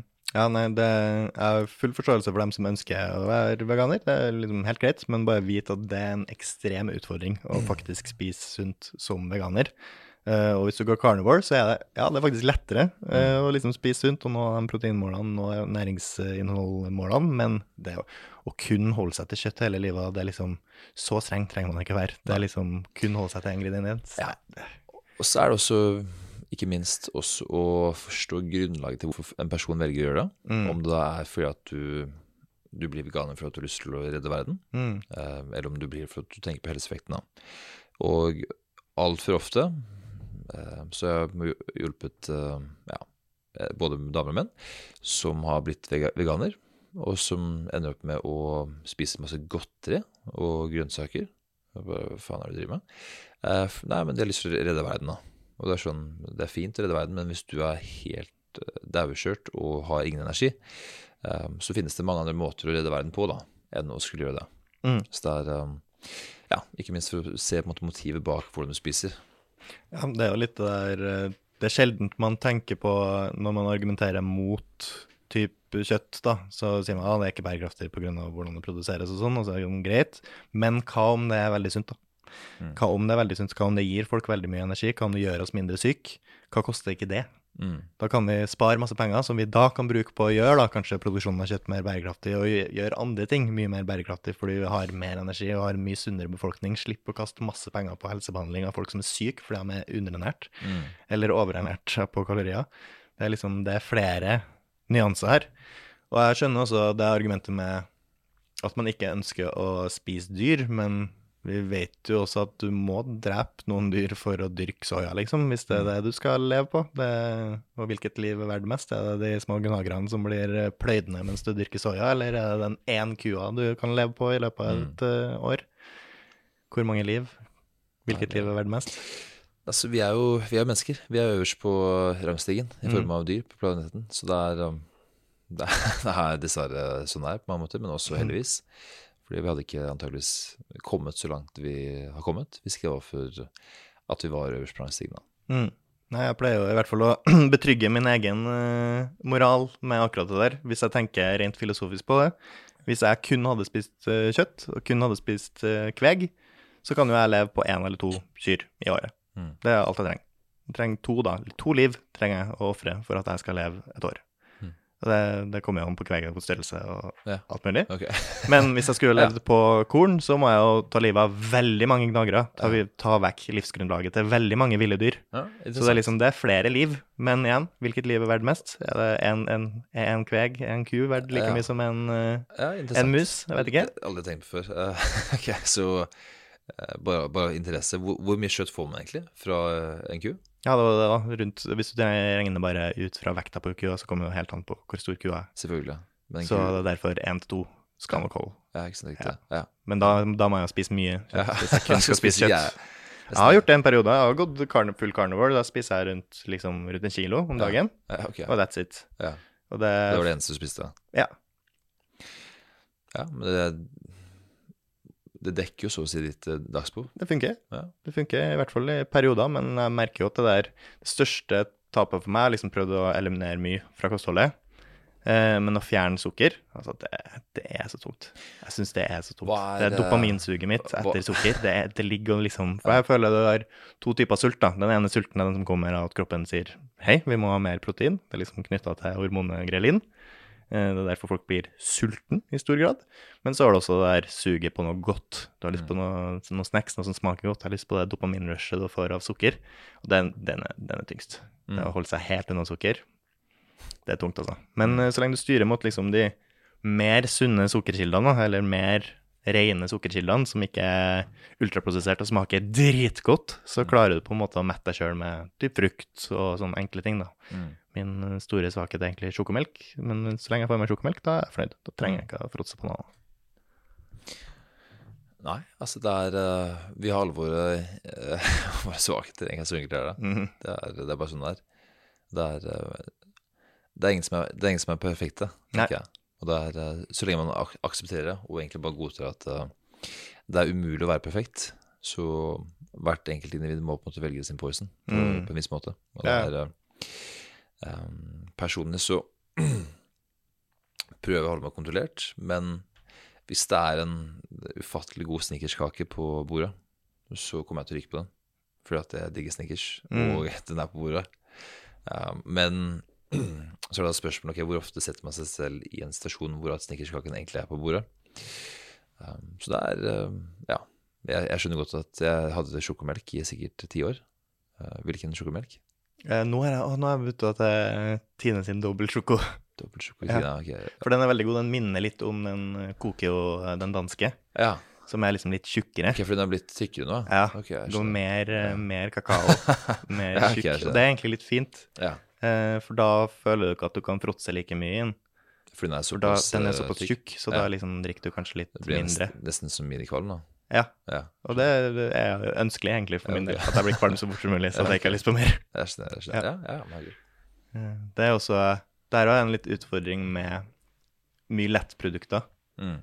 som jeg også egentlig føler er litt sånn misledende. Fordi det oppfordrer folk til å fortsatt spise mengder. Du skal liksom fråtse, og nå ah, se, vi har fettredusert den, da kan du spise masse. Du kan fortsette å fråtse, mens jeg liker heller de mer ærlige som seterømme, liksom gå for de, de fullfettvariantene, for da kan du heller spise det med måte og nyte den lille seterømma du får, Mm. framfor å liksom ah, fråtse i lettrømme. Men klarer du å begrense til seterommet? Ja. Gjør du det? Ja. Okay. Ja, Ja, bra. for den blir, den blir du, du blir kvalm av det. Ja. ja, det gjør ikke jeg. Det er for mye, nei. Jeg elsker seterommet. jeg blir ikke kvalm. Har jeg seterommet, så sitter jeg med seterommet og en skje, og så tar jeg den på tacolefse nesten på hver bit. Ja. Det er så jævla digg. Ja, ja, Set- Seterommet er helt det, sinnssykt. det er jækla godt. Mm. Det er jo det som er problemet med, den, eh, med sammensatt mat. Det er rett og slett for godt. Takk for det. Hva, um, hvor mye trener du i uka? Akkurat nå så trener jeg ca. Ja, la oss si en time dagen. Og så Ja. prøver jeg for godt 30-60 minutter hver dag. Ja. Hvor mange Så- skritt omtrent er det? si 7 000-10 000. Ja. Eller 7 000-14 000, da. Mm. går jeg. men som oftest aldri under syv. Og alt det er på en måte pluss. Men uh, jeg ligger nok på som oftest 9 til 12 000 hver dag. Og trener en time om dagen. Ja. Hvordan trening er det du kjører? Akkurat nå så er det egentlig veldig uh, hypertrofi, altså. Så tidligere så har jeg drevet med styrkeløft, eller egentlig drevet med absolutt alt. Ja. Um, du prøver å legge på deg muskler, rett og slett? ja, altså Tidligere så har jeg vært veldig prestasjonsdrevet. Eksempel har jeg konkurrert i styrkeløft, jeg har konkurrert i crossfit. Og spesielt når jeg drev med crossfit, så trente jeg to til fire timer hver dag. Og var liksom obsessiv med det. Endte opp med å jobbe mindre for å kunne trene mer. Og um, det er veldig gøy. Det er det. CrossFit er ekstremt kult. Men akkurat nå så er på en måte mer fokuset på å hjelpe flest mulig mennesker nettbasert, og i tillegg forbedre sitt produkt. Altså jeg, har- jeg har hatt høyere fokus nå på business enn jeg har på eh, prestasjon, og jeg har kommet til et nivå som jeg på en måte er fornøyd med. Mm. Um, og i tillegg så er det sånn at sånn jeg trener i dag, så blir jeg ikke så kjørt og støl, som gjør at når jeg er ferdig å trene, så er jeg egentlig good to go. Da er jeg på en måte mentalt klar til å enten jobbe eller være sosial på en måte være til stede. Mens tidligere så har jeg da kjørt én økt på morgenen, én økt på ettermiddagen, og måtte ha vært uh, hardcore, da. Da mener jeg dubstep-musikk eller sånn tech house, uh, beinhard musikk og typ typ én til to woods hver dag. Mm. Kanskje ett perseforsøk på en øvelse, og så er det på en måte det neste, neste dag, da. Så hele dagen min handlet egentlig da om å få i seg mest mulig næring, og sove mest mulig, sånn at da, til neste treningsøkt så er jeg klar til å prestere da. Hvor mye kalorier legger du på når du trener så ofte?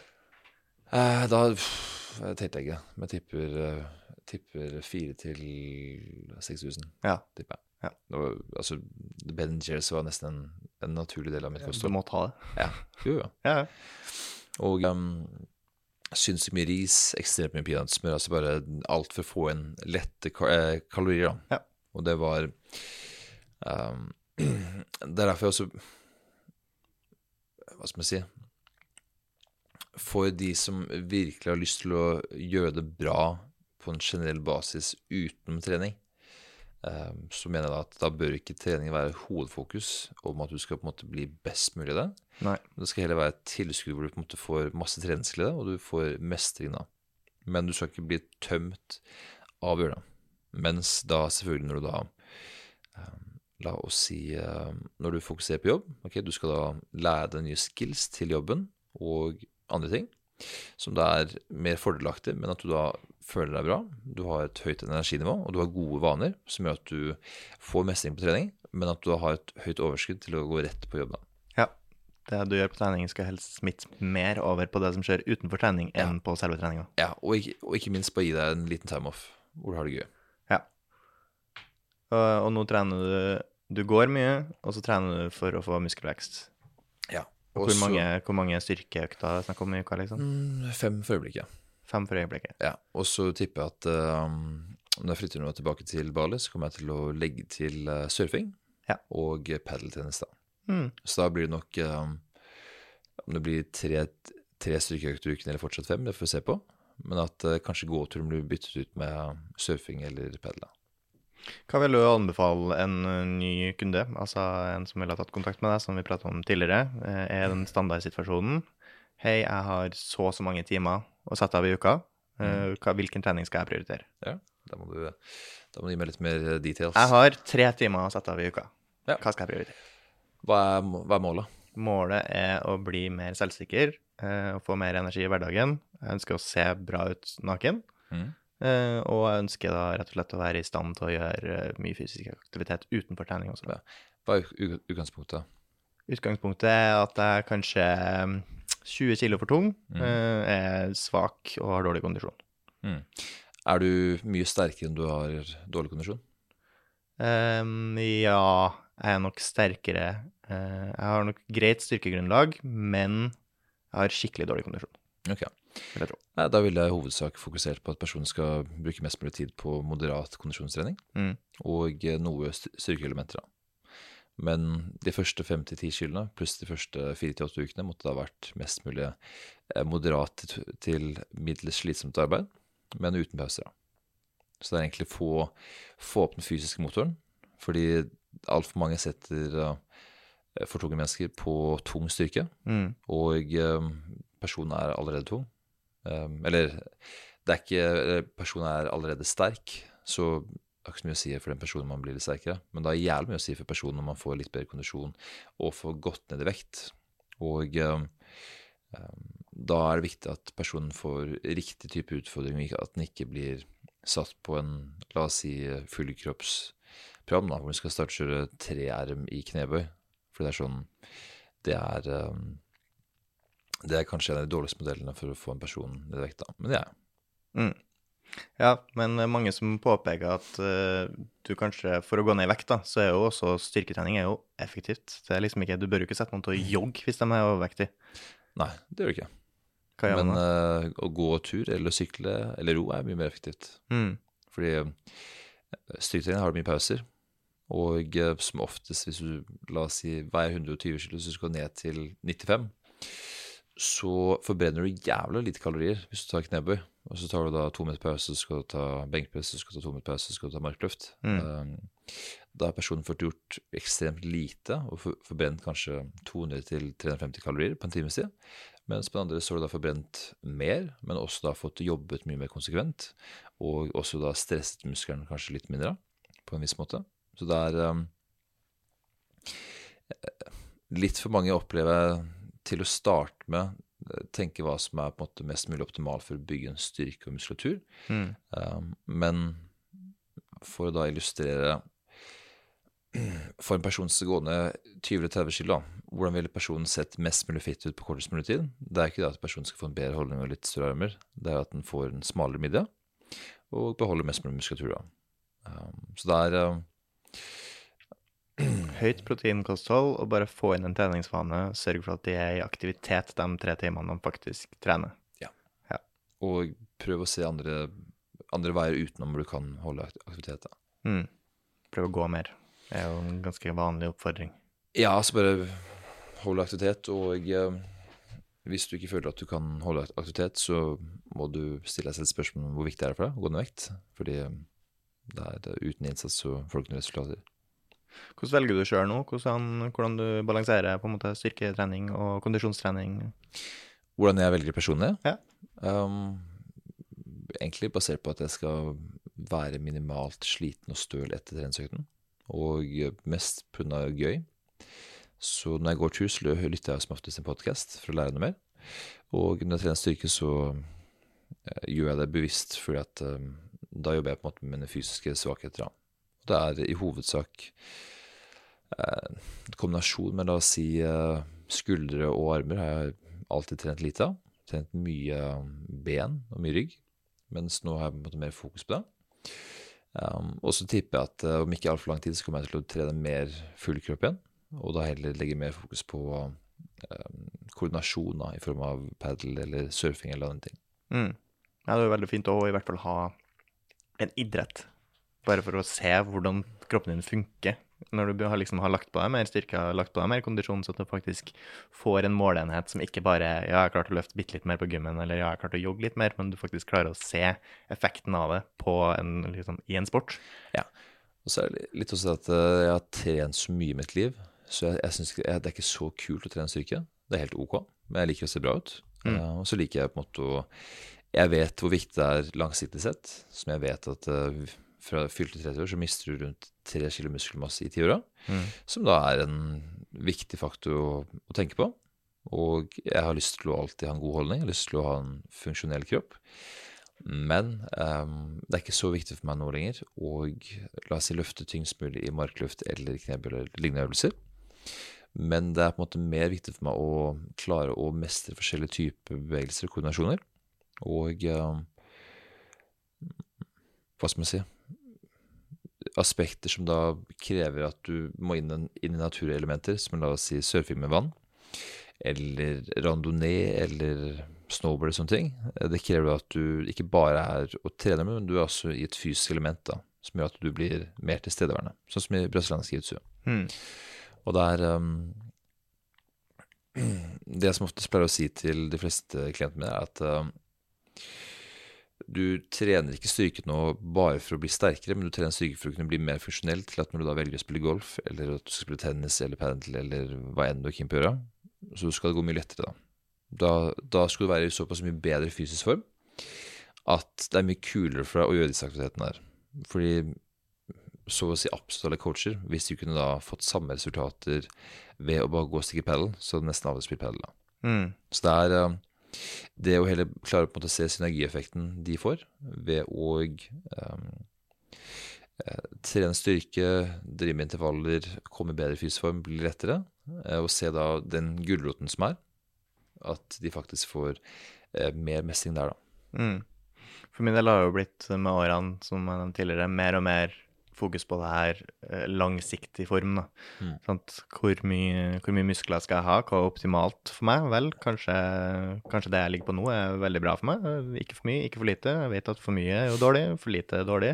Jeg kommer også mest sannsynlig til å miste litt med årene, sant? for det er vanskeligere og vanskeligere å vedlikeholde. Så du prøver liksom å ha en muskelmasse som kan være bærekraftig og leve med hele livet, så at når jeg nærmer meg mine siste år, så er jeg fortsatt i form til å gå opp trappa, jeg er fortsatt i form til å løfte på eventuelle barnebarn og sånne ting.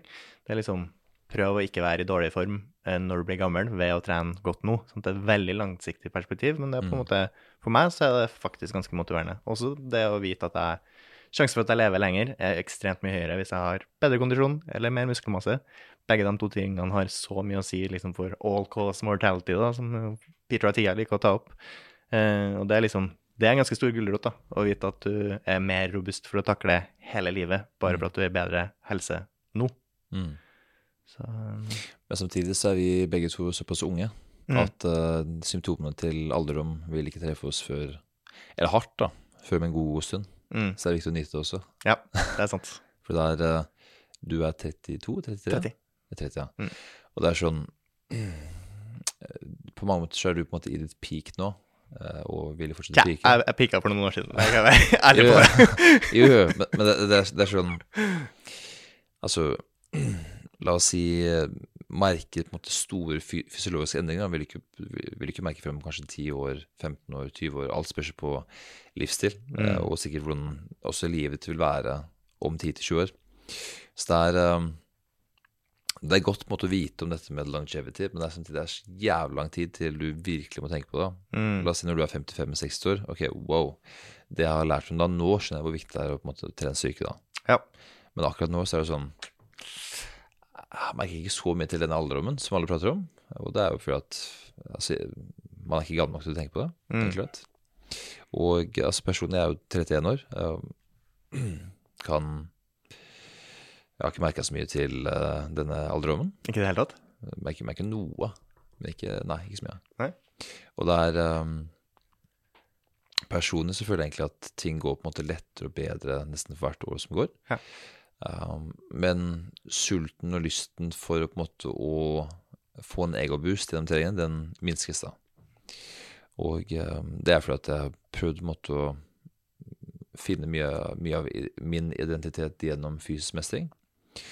Og så finner man den, og så finner man på en måte hva som ikke er så viktig. Og takket være det så finner man andre felter da, som har lyst til å vokse. Har du noen sånn klassiske, generelle kostholdstips? Um, 1,5 gram, som oftest, med proteininntak pluss pluss. Mm. Per kilo kroppsvekt? Mm, og så er det da periodisk er et smart verktøy. Det er ikke et must, men det er et smart verktøy. Mm. Eh, en proteinbase til hvert måltid, eh, som da baseres basert på om du spiser tre måltider hver dag eller fire måltider hver dag. Prøv å ha noe form for grønnsak til hvert måltid.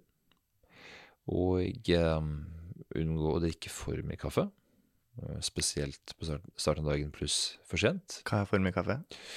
Så som oftest eh, tar som oftest ti timer før at det er ute av systemet. Så som oftest eh, personlig så er ingen kaffe etter klokken ett. Um, men hvis du Altså det er mange som sier at de ikke merker noe som helst om de tar en kaffe klokken seks til syv. Men med tanke på dyp søvn så er det i fall, kan det være en god idé, da. Og i tillegg så er det viktig på at du får i deg nok væske. Det er et viktig element. Og at du spiser variert, da. Det er eh, Personlig så liker jeg low carb, men altså i hovedsak så er det på en måte å innta tilstrekkelig med kalorier for å da ligge på matchvekt, eller å da gå under matchvekt, Eller gå opp. eller da gå opp, da. Mm. Og det er sånn Så lenge du på en måte har de basispunktene og du klarer på en måte å få en viss grad av nytelse til maten, så mener jeg at da er du på en måte på riktig spor, da. Og for å svare noe dypere på det, så må jeg da på en måte ha personen for meg til å på en måte kunne si hva han skal gjøre, da. Mm. Kan det samme på trening? Har du noen generelle treningstips? Mm, jeg vil si 50-50 kondisjonsstyrke, og eh, ha et element av bevegelighet hver dag. Eh, som oftest en morgenrutine som da fokuserer på fokuserer på bevegelighet. Mm. Og f.eks. en pusteøvelse som da jobber med å få deg mer avslappet mellom jobb og middag. Eller fra jobb og da til kveldstid. Mm. Kan du fortelle litt mer om det? Pusteøvelse? Nei, altså, kort forklart så er det jo et høyt kjør generelt sett. Og pusteøvelser kan jo da være med på å redusere stressnivået, ikke minst gjøre at man får mer kontakt med seg selv, og at man klarer å bli mer til stede. Mm. Så jeg, det jeg ser som et veldig verdifullt verktøy, både for meg selv, men også for flere av mine kunder, er at de sliter med å eh, skru av, eller på en måte skru av eh, jobbmodus når de da kommer og møter familie eller venner. Så det å bare smack når du er ferdig med arbeidsdagen Nå tar jeg 10-15 minutter hvor jeg da lukker øynene og fokuserer på pusten min. Trenger ikke være noe avansert, bare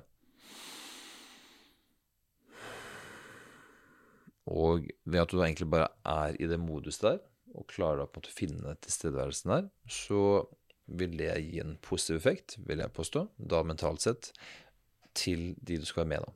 Så la oss si hvis du er stressa med at en kunde har gjort det, eller at uh, en bedrift som du har hatt sam samarbeid med, gjør det, eller noe som irriterer, da. Mm. Så tar du da med det sinnet rett tilbake til familien, uh, eller kona di, og så kommer du da sint og sur, og så har ikke de gjort noe galt, men uh, du har ikke fått utløp for sinne eller frus- frustrasjon heller, og så er du da ikke like tilstedeværende, eller du er mer amper, da. Mm. Og eh, for å ha en bedre livskvalitet, så vil jeg påstå at en pusteøvelse kan ha vært et jævla smart verktøy for å bare nullstille seg selv litt eh, mellom jobb og middag. Eller jobb og privatliv, da. Ja, du bruker det egentlig i tillegg til å markere et litt større skille mellom jobb og privatliv. Ja. ja. Effektivt. Driver du med meditasjon? Uh, ja, man kan si det. Ja. Pust, pusteøvelse. Altså, det det, det finnes jo forskjellige typer modeller av meditasjon, Ikke sant? eh, men i hovedsak så uh, I hovedsak så er det fokus, mest fokus på pusten enn at det er at jeg sitter at jeg mediterer. Men det er jo, jeg, jeg lukker øynene og puster og uh, enten visualiserer eller bare fokuserer på pusten. Mm. Så det er, jo en, det er jo en form for meditasjon, men eh, det finnes jo mange former for hva man skal beskrive som meditasjon. Men det er jo en, det er jo en modell av det. det, er det. Mm. Driver du med noe sånn uh, lysterapi av noen form? Har du blitt Huberman-pilla du òg? Passer på å få litt uh, sollys uh, tidlig på morgenen, og passer Ja. på å slutte med blålys før du skal legge deg? Eh, både ja og nei. Uh, dette er en av hovedgrunnene til jeg faktisk valgte å flytte til Asia. Fordi at jeg hadde lest mye om Huberman, så ble jeg jævlig irritert av å ikke ikke forstå hvordan det faktisk kunne være. Så jeg var jævlig nysgjerrig på å forstå om hvordan blir det hvis jeg faktisk flytter til et sted som har sollys i januar. da. Og var jævlig spent når jeg da flytta, flyttet nå 3. januar til Asia. Og så jeg fra 3. januar til 6. oktober så hadde jeg vært i Thailand og på Bali. Og så nå 12. desember resten ned igjen. Men en av de tingene jeg var mest interessert i, var egentlig å forstå om jeg kom til å få mer energi. Om jeg kom til å merke noe forskjell av det Hulman prater om. For han sier at du får mindre stress, du får mindre angst, du føler deg mer positiv, du føler deg lettere. Altså alt, alt er så mye positivt. Og ja, jeg har prøvd alle, alle disse lyslampene og tingene på morgenen. Um, de funker, men de er på en måte veldig suboptimale. Um, kontra det å faktisk se direkte sol- sollys. Mm. Så det funker bedre enn ingenting. Um, men så husker jeg også at jeg hørte på en podcast-episode med Hurman, um, hvor han ble intervjuet fordi han hadde vært i jeg tror det var Sverige eller Finland på vinterstid. Og som han sa selv, så han ble delvis deppa og lei seg, eller på en måte bare sliten, av å være der i fem dager. Og da ble det sånn "Uff, Shit. Det er, eh, hvis, hvis han sier det, så, så Så ble jeg sånn Ja, ok, vet du hva, da, da gir det mer mening enn hva jeg føler på selv. Og så ja, en av mine største motivatorer for faktisk reise til Asia og bo der, har vært akkurat det du spurte om der. Mm. Ja, nei, vi, vi, vi, vet ikke helt hvor jævlig det er før vi mister det heller. Det er liksom, vi har blitt litt tilpassa den mørketida her i Norge. Vi tar det for gitt at vi skal være Mange av oss i hvert fall, eh, meg personlig også, blir, blir, jo mer deprimert. Du blir jo tristere, du blir jo mørkere av at det blir mørkere. Og du merker jo det spesielt på våren når sola først kommer tilbake. Så er det sånn wow, er det sånn her jeg egentlig har det? Mm. Oh, yes, så deilig å se sol. Herregud, nå ble det jo dagen, og alle problemene mine forsvant jo bare av det sollyset. Det hjalp sinnssykt mye. Ja. Og det er sånn, det er litt som å si at uh, vi mennesker er jo tilpasningsdyktige, da. Så det er jo umulig for en person å vite hvordan det er å faktisk ha solstemme et helt år, hvis du aldri har opplevd det. Mm. Fordi uh, man kan lese så mye man vil i en bok om hva som helst, men hvis du aldri på en måte har fått erfart eller følt på det selv, så kan du ikke vite hvordan det er. Så enkelt er det. Og Nei. det er uh, um, det å f.eks. å sitte og se på sånn her blått lys på morgenen for å prøve på å våkne opp um, Det er jo litt pes. Det, det funker til en viss grad. Men det er fortsatt jævlig pes å måtte få det skarpe lyset inn i ansiktet. Kontra det på en måte bare gå ut og se solen. Ja.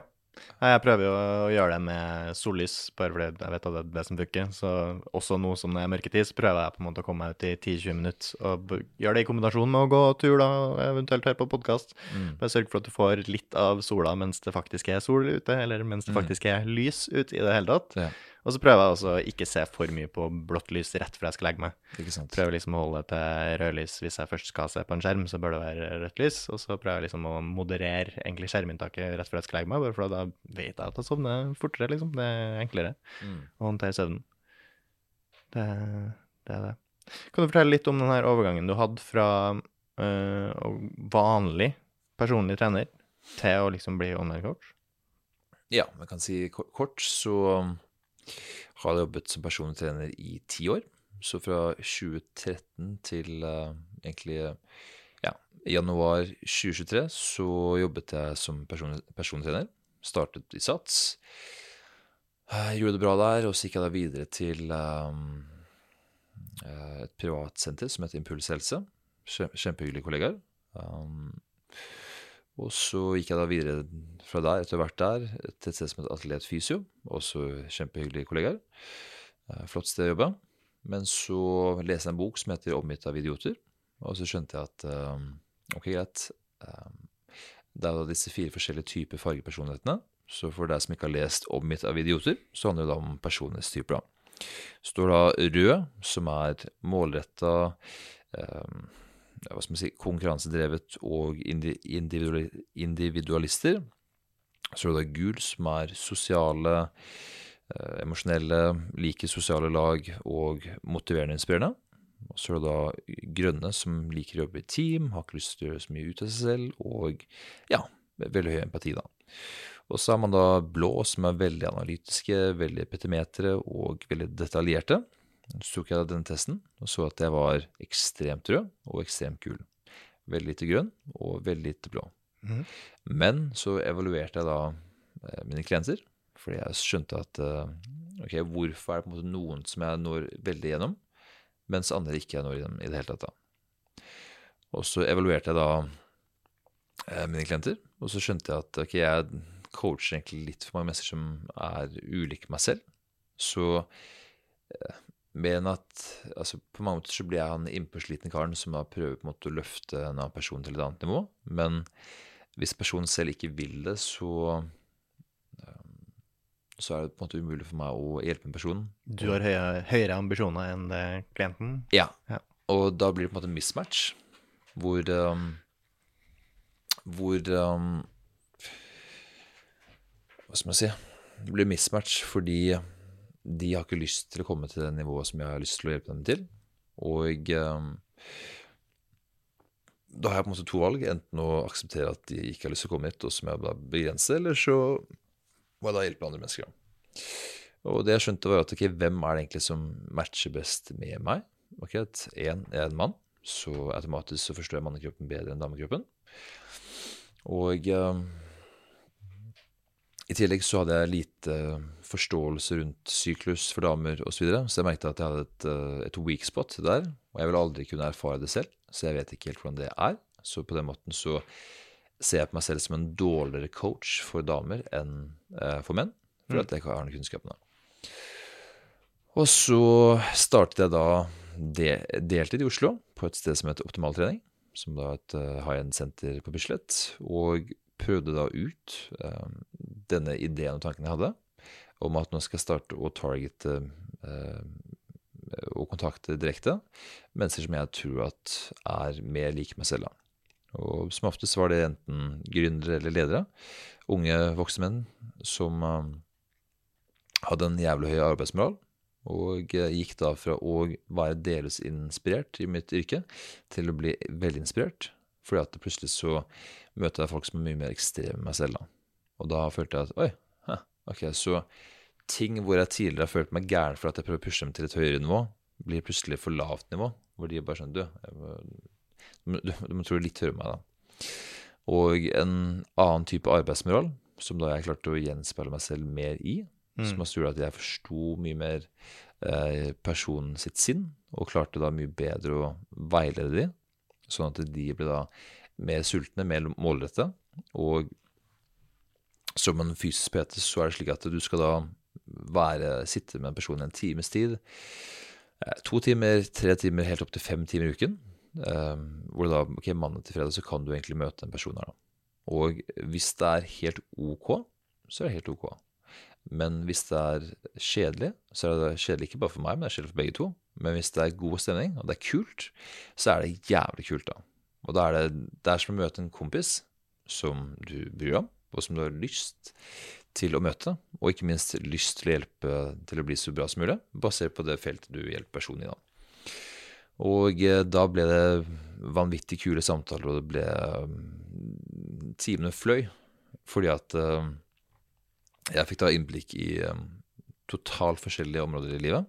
Folk som jobbet med alt mulig, og fikk høre om deres hverdag, om deres liv, om deres problemstillinger. Og de var da også mer ærlige med meg om deres egne problemstillinger, som gjorde at jeg kunne da i større grad også ikke bare Eller jeg har på en måte vært en slags mentalcoach hele veien, for jeg har også tatt en mentalcoachutdannelse over et år eh, gjennom NLP, eh, som har gjort at jeg alltid har vært veldig interessert i det mentale. Men her fikk jeg da diskutere med folk som virkelig var sultne på å lære, men også var sultne på å bli bedre. Og så gjorde jeg det i to år. Og så var det da slik at eh, jeg jobbet på et senter som dessverre ikke ønsket å vokse videre. Og så var det slik at eh, eh, jeg er en person som naturlig søker meg til utvikling og resultater. Så hvis jeg på en måte føler at jeg er på stedet hvil, så kom jeg til å eh, Da skjedde jeg meg. Så jeg må egentlig ha progresjon, og jeg må bli bedre. Det bare en, en naturlig del av meg. Så da valgte jeg å eh, egentlig starte på et sted som het CrossFit Gamlebyen. Da skulle jeg egentlig gå inn her som en leder og hjelpe med å bygge opp en PT-stab og på en måte gjøre det senteret profesjonelt. Um, det var et nyoppstartet senter. Og så starta jeg der. Superkult. Han som driver som heter Glenn, veldig smart type. Veldig dyktig og god til å jobbe. Med ekstremt høy arbeidsmoral, så jeg ble veldig inspirert av han. Men det starta 1. februar eh, 2020. Og det kom da, kom da midten, eller slutten av februar. Jeg husker at jeg så i nyheten, og så sa jeg at du, Glenn, jeg tror det her kommer til å bli ganske, ganske ille. Og så husker jeg han sa at nei, vi kan ikke Det er ikke noe som kan skje nå. Vi er et, vi er et nyoppstartet bedrift. Det her Det her Det her gir ikke jeg å være en del av. Jeg ja, det kommer til å bli skikkelig ille. Jeg kjøpte en sånn derre temperaturmåler. Så alle som måtte komme på gym, måtte da ta en temperaturmåler i panna for å vise Ja. at de ikke hadde feber. Og så husker jeg at um, det skjedde. Og så sto jeg der på, på treningssenteret, og så kommer da nyheten klokken ett på den 13. mars eller faen det var, om at nå er landet stengt ned. da. Og bare OK, alle, alle, må, alle må dra hjem. Og da var det sånn at eh, hm, OK, det var jo veldig uvant. uvant. Og eh, da ble det egentlig til at uh, dro da hjem, og så var jeg sånn OK, hva skjer her nå? Og så sto det at ting er stengt ned. Um, men jeg har ikke mark i ræva til å stenges ned, så da starter man å se på løsninger. Og um, kort forklart så ble jeg da Da er man da uten sted, men man har da fortsatt sine klienter. Um, dessverre så hadde jeg fulgt av klienter som ikke hadde lov til, eller som var i lederposisjoner, som ikke da kunne bli potensielt syke. Uh, så jeg mista 90 av kundemassen min Mm. på det tidspunktet. Og um, ble da kreativ, kan man si. Så da jeg meg egentlig videre til å bli eh, hjemme-PT og bedrifts-PT. Selv om ting ikke var helt lov, så må man overleve. Og så startet jeg egentlig å trene Ja, eller hadde alltid gjort det, men uh, trene noen individer som uh, gjorde det meget, meget bra uh, business-wise. Og uh, som egentlig hadde jobber hvor de reiste rundt omkring i hele verden. Som oftest til eh, USA, eller til England, eller Dubai, eller Asia, Singapore, altså alle disse stedene her. Og så tenkte jeg at eh, faen, det er jævlig irriterende å høre om at de drar til alle disse stedene her, men at eh, jeg ser ingen av disse stedene her da. Og spesielt da under covid, så føler man ekstra på det. Fordi at hm, da har vi i hvert fall ikke sett noen variasjon. Jeg har sett Norge år etter år etter år. Um, så da valgte jeg å reise til uh, Thailand i 2021, desember 2021. Og um, tidligere den høsten så jeg kjøpte et kurs av noen amerikaner for å lære meg hvordan jeg skulle bli online coach. Og Hvem var det? Husker jeg mhm, Hvem var det? en som heter Brandon Carter. Carter. Mm. Og um, det som var enkelt, var at uh, han viser meg da en modell, er hans modell. Og så lanserte jeg en beta-versjon av det da i midten av november. Og det var da tre uker før jeg skulle til Thailand. Fikk jeg en fem kunder på, på den tiden. Og så um, fikk jeg da erfare å sitte i et annet land og lukke igjen PC-en, se ned, se på stranda, se på sola, og da forstå at oh shit, eh, det er faktisk mulig å kunne jobbe fra en PC. Fordi fram til den dagen så har jeg vært vant til at det er en fysisk tjeneste som møter opp på en fysisk lokasjon, og eh, jobber da etter timer, da. Som har vært en veldig givende, givende fase, men skjønte da at ok, her, her er faktisk et verktøy og en modell å jobbe på som gjør at jeg kan hjelpe mennesker med det jeg brenner for, men annen eh, Jeg kan gjøre det fra hvor som helst i verden. da. Og jeg kan i mye større grad styre min tid enn at jeg må møte opp til en fast tid på en fast lokasjon. da. Mm. Og eh, kort forklart, starta det der. Um, det gikk, eh, gikk bra. Og så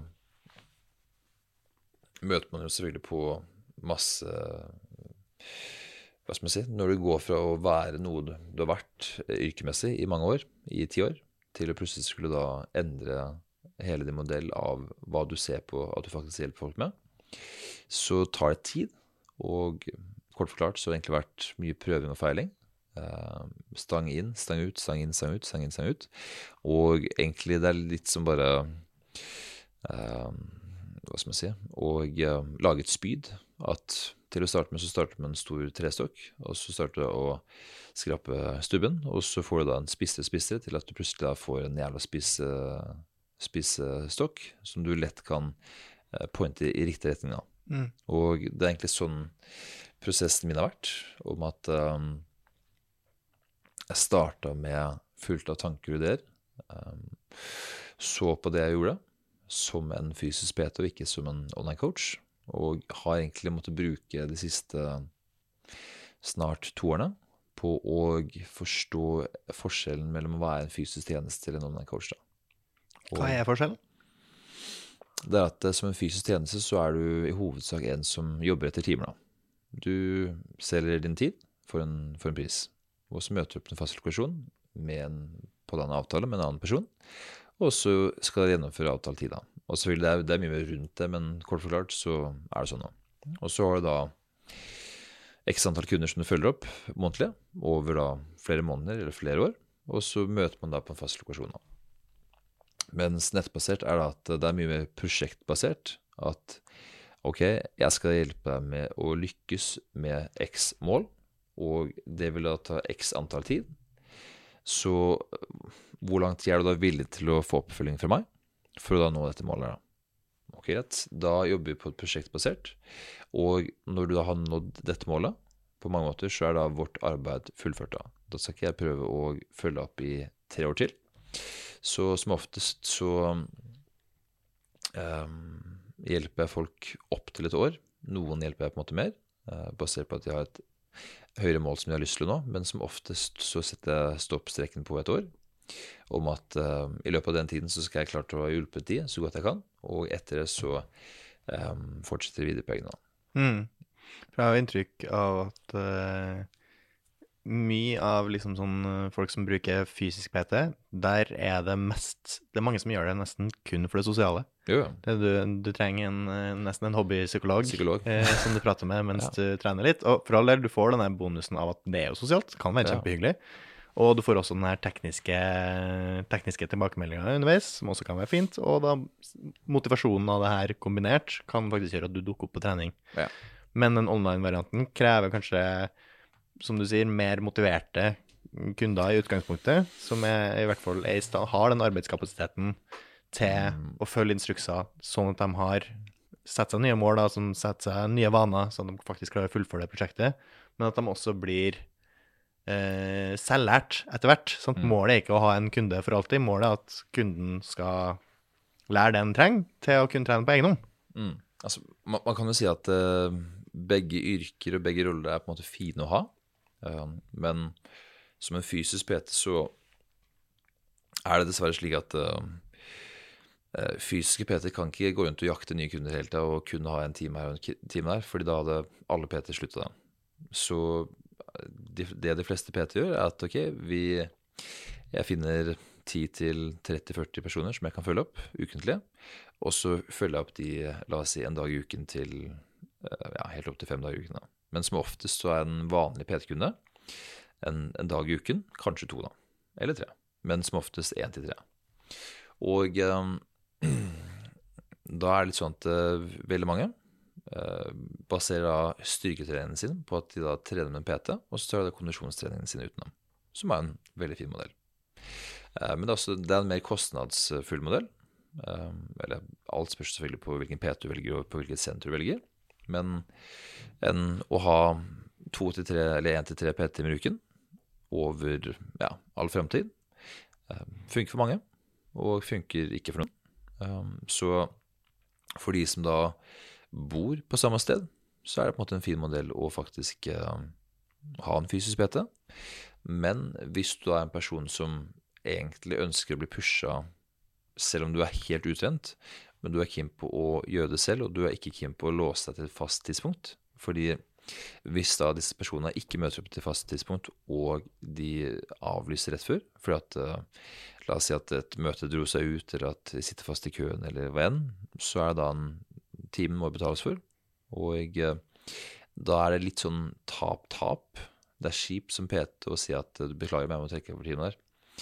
Eh, og det er kjipt for den personen å da sitte fast i en bil i en kø, og at penger flyr ut av vinduet fordi at, du, fordi at trafikken ikke tillot deg å gjøre det. Og eh, la oss si i løpet av et år så er kanskje så avlyses Eller det er på en måte delays eller avlysninger på ca. 3-5% av alle timer i løpet av et helt år for en PT. Som betyr at uh, inntekten fluctuates, og i tillegg så er på en måte en arbeidsdag kan endre seg kjapt. Hvor at uh, du har planlagt å jobbe med seks forskjellige kunder, eller syv forskjellige kunder. Og så i løpet av en time så har du plutselig fått melding av tre av de. Du har fått feber. Eh, kan vi flytte timen? Eh, kan vi gjøre sånn? Sånn, sånn, sånn, sånn. Så det er så mye på en måte personlige ting som du må ta ansvar for, og være fleksibel med å hjelpe, eh, for på mange måter å yte best mulig service. da. For det er en persontjeneste. Men nettbasert så er det mye lettere, fordi da er det sånn at du skal følge en plan, og om du følger av den planen sånn som det står nå, eller om du da bytter på dagene, det driter helt i. Du skal bare gjøre jobben da. Og hvis du da skal ha tre treningsøkter i uken, så har, det ingenting å si om du trener mandag, onsdag, fredag, tirsdag, torsdag, lørdag, eller om du trener mandag, torsdag, lørdag. Det I don't give a fuck. Det er eneste meg, at du skal bare gjøre jobben. Og du skal ikke bare gjøre jobben på trening. Du skal i tillegg gjøre alt det rundt kosthold, du skal gjøre det rundt trening, du skal loggføre det. Um, så det er så mye mer en person kan gjøre nettbasert, selvfølgelig. Um, det finnes jo veldig mange forskjellige online-coacher. Og veldig mange online-coacher opplever er tidligere fitnessutøvere som gir den uh, standardiserte fitnessutøvermodellen, som er at du skal spise ris, torsk, brokkoli Altså det er bare ting er jævlig kjedelig. Kyllingfilet og ris. Ja. Og det er Treningsmodellen er egentlig tilpasset til at um, at personen skal stille i fitness. Mm. Så folk gir sin egen blueprint til hva som burde da være et individualisert blueprint til den personen. Bulking og så deffing. Opp i vekt, og Ja. så ned i fettprosent. Men også, også bare det La oss si um, Tidligere. Fått en dame på 48 år. Hun har lyst til å gå ned 10 kilo og bli mer fitta. Så ser jeg da på treningsprogrammet hennes. Nei, hun trener to timer hver dag. Og hun har en egen triceps og biceps-dag. da. Jeg bare, faen er det her for noe? Nei, tidligere Petter min sa at jeg må gjøre sånn her. da. Og jeg fulgte alt slavisk. Jeg bare, What the fuck er det her for noe? Og så er det kosthold, da. Nei, jeg skal spise torsk, ris og brokkoli. Jeg bare, men hvorfor? Nei, han sa til meg jeg bare, Oh my god. Det er, det er så jævlig mange eksempler på folk som da har stilt i bikinifitness eller bodybuilding eller hva enn, som gir egentlig sin egen modell til de, da. Mm. Og det, ja, det laveste nivået av en coach er de som gir sin egen modell til andre, uten at det er personlig tilpasset til de, da. Mm. Fordi det finnes tusen veier til å lykkes, og det er ikke sånn at eh, deres modell, bare fordi de fikk det til selv, um, er den sanne for de andre. Og i tillegg så er det ikke sånn at um, Hva skal man si? Bare fordi en person ser visuelt bra trent ut, betyr ikke at den har god helse. Nei. Og det er ofte en, mis, en si, misoppfatning i, ja, på sosiale medier og egentlig nesten hvem som helst. Ja, men jeg så han karen har jævlig bra armer. Ja, ok, greit. Men har du, har du noe annet som hvordan det går med resten av han? Nei, ikke, men har jævlig store armer. Ok, greit, kult. Um, men det er sånn Det er uh, ofte litt mye fokus på bare det visuelle, og heller mer sånn ok, hvordan er energien mot den personen? Hvordan er eh, helsen, da? Hvordan, er, hvordan fungerer hjernen din? Mm. Eh, hvordan fungerer på en måte det helhetlige aspektet ved deg? Hvordan er energinivået ditt? Når du står opp om morgenen, er du da energisk? Når du legger deg på kvelden, er du da rolig? Hvordan er stressen over på dagen? Og det er eh, Ja. Og igjen, det finner man ikke ut av hvis ikke man har en personlig tilpasset plan. Nei. Jeg har sjøl bodd en periode med en som gikk fitnesskonkurranse. Mm. Han var ikke sitt beste seg de eh, siste månedene før konkurranse. For, for sånn. Og det var han jo klar over òg, men det er liksom Det er jo da han hadde kanskje sett best ut, eh, både i konkurransen og eh, for internett, men det er jo virkelig ikke da han følte seg best. Men så er det sånn Hvis man tar absolutt alle som stiller i fitness, da, eller Mm. bodybuilding Man kan på en måte ikke si at de faktisk ser på sitt beste ut. Fordi hvis du ser på øynene deres, skjevebenen deres, ansiktet ser ut som de er underernært, og de ser slitne ut. da. Ja, og hvis du ikke hadde smurt dem eh, brun, så hadde de vært likbleik, Ja. de er så underernært og Og så er det sånn at um, Er det virkelig så bra å på en måte vise at du har altfor lav fettprosent, hvis du skjønner? mm. Um, fordi man kan tenke at oi, han så jævlig sunn ut, men han så veldig muskuløs ut, han. Men sunn og muskuløs er en veldig annen type modell. da. Ja. Jeg er enig i at uh, selvfølgelig for lav fettprosent, hva er for lav fettprosent? Noen mener du bør ha litt, sånn med tanke på hormonproduksjon og sånne ting, og bare det for å føle seg greit. Men så har du også sånn Brian Johnson har blitt ganske stor nå, ikke, ikke Liver King Brian Johnson, men han entreprenøren som liksom eh, har blueprint-opplegget. Vet ikke om du har fått med han? Er det han skalla? Eh, nei, han har hår. Han ser ut som en vampyr, fordi han ikke utsetter seg for jo, jo, solen. han- Men han jo, tar ja, liksom Ja. Han bare følger alt men, men han som som er bruker 7 millioner, kroner, nei, 7 millioner dollar i året på anti-aging? korrekt. Ja, riktig. Ja. Og han har jo veldig lav fettprosent, men på en måte scorer veldig høyt på absolutt alt, så det er ikke nødvendigvis lav fettprosent er Det er ikke nødvendigvis en indikator på at du har det vondt heller, da. For han, Nei, det er han er Altså- jo i veldig god form, for Ta- å si det sånn. Ja, altså, Ta for eksempel to av mine bestevenner, en som heter Henrik og en som heter Alex. Begge to har sikkert 4-8% av de er jævla rippa. Mm. Sjukt rippa. Men de det, det er mye genetikk. Ja, de har et bra kosthold, men de koser seg som faen. Men eh, begge de to har bloder på sixpacken six sin, og de spiser pizza. De koser seg som faen. Eh, men, ja, de trener, men de har bare en sånn psyko eh, Ja, de har trent veldig bra over veldig mange år, men i tillegg så har de eh, Så har de eh, en sånn sinnssykt genetikk da, som bare eh, gjør at du du ser og tenker hva faen, det, ser ut som du har gått på def i ti år Mm. fordi du har strippa. Men de har da optimale verdier av sosialt innenfor bl blodtester, og har høy sexlyst, høy mental tilstedeværelse. De har veldig høyt energinivå, veldig mental klarhet, smarte mennesker. Så er eh, eh, Så jeg tror også mye av det handler om genetikk. Og la oss si hvis man ser på bilder av personen fra han er 20-30, 30-40, 40-50 Og mange, la oss si han Brian Johnson, kanskje han har vært relativt OK trent hele sitt liv? Nei, han var skikkelig dårlig Han var skikkelig dårlig form? Ja. Ok. Så han var megadeprimert, megadårlig form, men skitrik pga. selskapet han starta. Ja. Men så bare på et eller annet tidspunkt hei, jeg må få helsa i form. Eh, og da gikk han da åpenbart all in, så all in som man kan gjøre som mange milliardær. Ja. Eh, liksom. Men seriøst, er da Hvis du tenker på hvor mye han gjør for å faktisk klare å holde seg der, Ja, ja. og hvor uh, optimalisert alt er Han tar sånn 200 tabletter hver dag. Han er. spiser kun pulver og piller, og Ja. går jo ikke ut i sola fordi han vil ikke få UV-stråling. Så det er jo Han er jo ekstremist så langt som du får det, eh, og det har jo sine kostnader. Det gjør jo at han ikke blir med ut og går en tur hvis det er for sterk sol. Eh, vi andre menneskelige hadde jo kanskje tatt den turen eh, uansett. Ja. Eh, og det er jo liksom, det er jo trade-offs. Han lever kanskje ett år bedre, eh, eller ti år bedre, eh, med bedre helse enn eh, vi gjør. Men Mm. eh, det er på en måte en trade-off mot at vi vil heller eh, Men altså, okay, la, være litt mer dynamisk nå. da. la meg spørre deg. Syns du han ser uh, Syns han ser sunn ut? Nei, men det er kun pga. hudfarge, har jeg funnet ut. Jeg syns han er for bleik. Jeg tror det er kun det som indikerer at jeg syns at han ser, han ser ikke sunn ut, men det Mm. tror jeg er fordi han er så bleik. Så derfor oppfatter jeg det som en form for sykdom, da. Fordi Mm. Bleikhet er jo ofte på en måte korrelerer jo med at du er syk. Mm. Ehm, så hadde han vært litt mer solbrun, så ville jeg nok på en måte ha oppfatta han som enda sunnere. Men jeg kan ikke krangle med liksom målingene de gjør på han. Det er jo åpenbart så gjør han noe rett. Definitivt. Eh, men uansett interessant at han eh, kjører seg, og håper at man eh, kanskje kan lære noe av det, Mm. som ikke er så ekstremt for alle oss andre. Ja. ikke sant? Og eh, apropos det genetikk, så vil jeg også si mange ønsker å bruke det som en unnskyldning.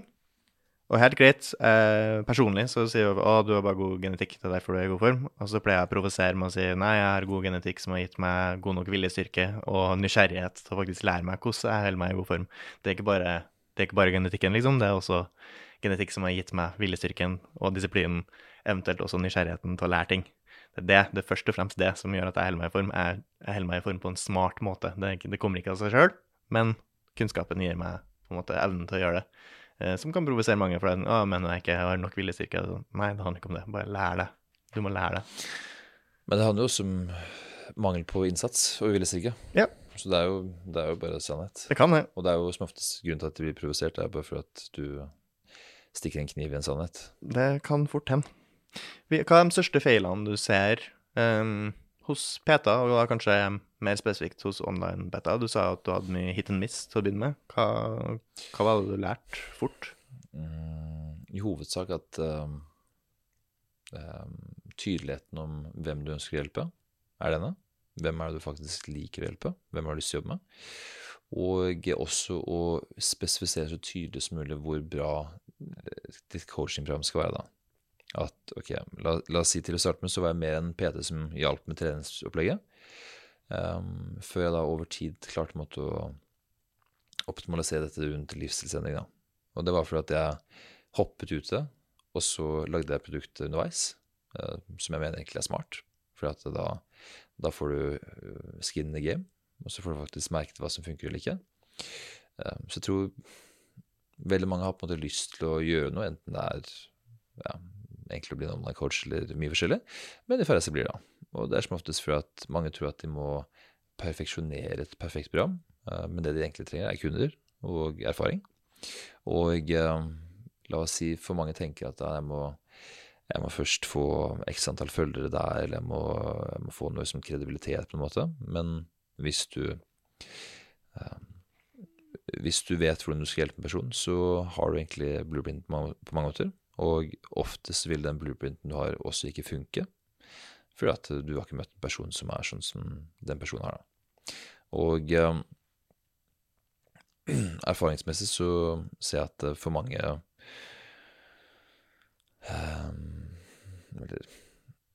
jeg skal ikke si, jeg har, ikke- jeg har ikke så mye erfaring egentlig med andre online-coacher og så videre, men jeg føler at det er litt for mye automatisert. Og at um, det er litt for vanskelig ofte for kunden. Og det, det forklares på en litt for kjedelig måte. Eh, Folk tenker at det, å komme i livsstilling er kjedelige ting, men det trenger ikke være. Og det er litt for mye fokus på eh, hva de selv kan, enn hva kunden kan. Det er enten det er fysisk PT eller om det er online coach, at hei, jeg har gjort det, så da skal jeg hjelpe deg med å gjøre det. Og så er det ikke det personen vil. Um, og PT-en eller online-coachen har valgt å prøve å hjelpe personen, for det er den eneste kan. Og det er bare at personen har for lite erfaring eller kunnskap. Og Da har du to valg. Enten så må du da få mer kunnskap eller erfaring, eller så må du gi deg. Og det er um, Ja. Um, en enkel modell er egentlig bare å skrive en kontrakt med seg selv om at jeg skal uansett hva som skjer, om jeg får null kunder eller om jeg får 100 kunder, så skal jeg holde meg til dette i et år. Og så skal jeg gjøre alt jeg kan. Jeg skal på en måte basere meg på de rutinevanene som jeg vet vil høyst sannsynlig med ønsket resultat. Og hvis jeg da følger disse rutinene eller vanene, så um, øker jeg sannsynligheten for at jeg faktisk får det til. da. Så det er um, Ja, egentlig rett ville jeg sagt at um, prøv å sette et konkret mål for antall timer og antall vaner som du skal gjennomføre, og så skal du gjennomføre de, da. Fordi du kan ikke avgjøre om 10 eller 100 tilfeldige mennesker kommer inn og er en god match. Det kan du ikke avgjøre, men du kan gjøre det du kan for å øke sannsynligheten for det. Mm. Hvor mange kunder er du i stand til å ha? det spør, alt spørs på hvilken modell jeg tilbyr. Så det er um, Nei, det spør, alt spørs egentlig om jeg Om jeg um, Alt spørs egentlig på hvilken oppføringsmodell jeg velger å tilby. Mm. Men per dags dato så tilbyr jeg på en måte mer privat eller mer personoppfølging til noen, og mindre til andre. Som gjør at uh, la oss si tiden jeg bruker på én kunde, vil da være mye mer enn tiden jeg bruker på en annen. da. Ikke sant? Og det er fordi at uh, personer har fått et personlig tilpasset uh, modell. da. Mens um, en annen person da vil få mindre oppfølging, og da selvfølgelig da bruke mindre penger i måneden på det. Um, så det er litt sånn Alt med tanke på en personlig tjeneste handler om hvor mye du er villig til å investere av en økonomisk sum, og hva du da kan få forvente tilbake. Mm. Hvor, mange, hvor er det du får flest kunder fra? Uh, I hovedsak um, LinkedIn og fra annonser. Og ja, hovedsakelig derfra. Er det noe liksom jungeltelegraf og sånn? eh, Mye av det? Eh, ja. Ja. Mm. Så har liksom tidligere kunder som er fornøyd, eh, sier fra er noen de kjenner som kanskje Ja. Vi- Via via, som oftest. Ja. Mm. Og så har du brukt Instagram tidligere, men uh, jeg har hatt litt sånn toegga sverd til Instagram. Mm. Uh, algoritmen på Instagram er livsfarlig, så um, jeg um, Jeg digger Instagram, syns det er dritkult, men samtidig så har jeg en, et mørkt hull hvor jeg kan plutselig Hva faen det jeg driver med nå? Jeg har Mm. sett tusen forskjellige greier, og jeg har brukt 7-30 minutter på ikke en damn shit. Um, og ja, Må jeg vente til jeg forteller deg om TikTok? ikke sant? Ja, nei, det, og det er eh, Ja, altså, jeg, jeg har ikke engang turt å laste ned TikTok, fordi jeg bare vet at uh, nesten alle, alle jeg prater med, sier at jeg satt og en times tid. Ja. Jeg bare Shit, det er helt sinnssykt. Men du bruker prøver, har prøvd å bruke det til targeting og sånn?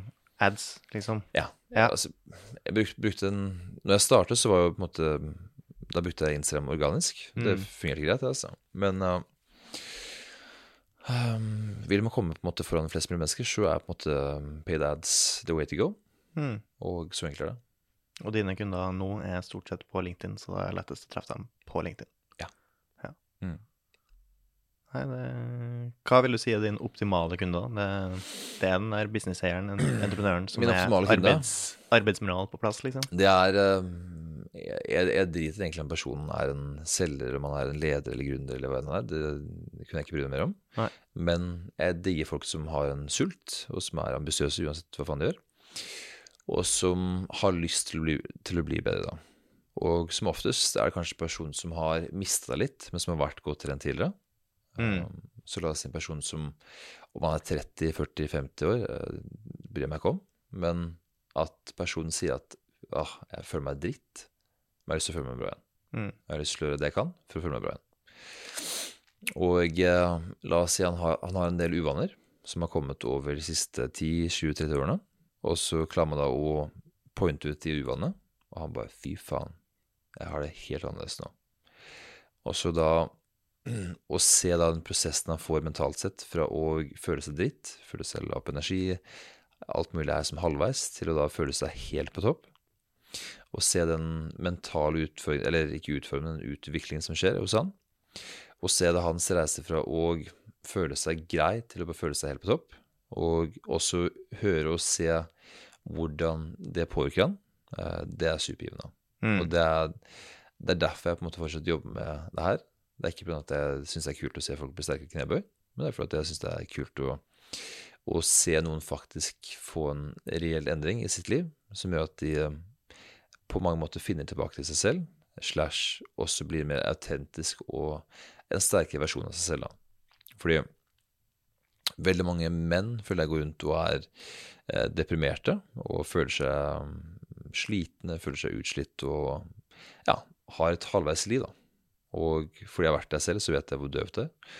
Og jeg vet hvor godt det er å føle seg på topp.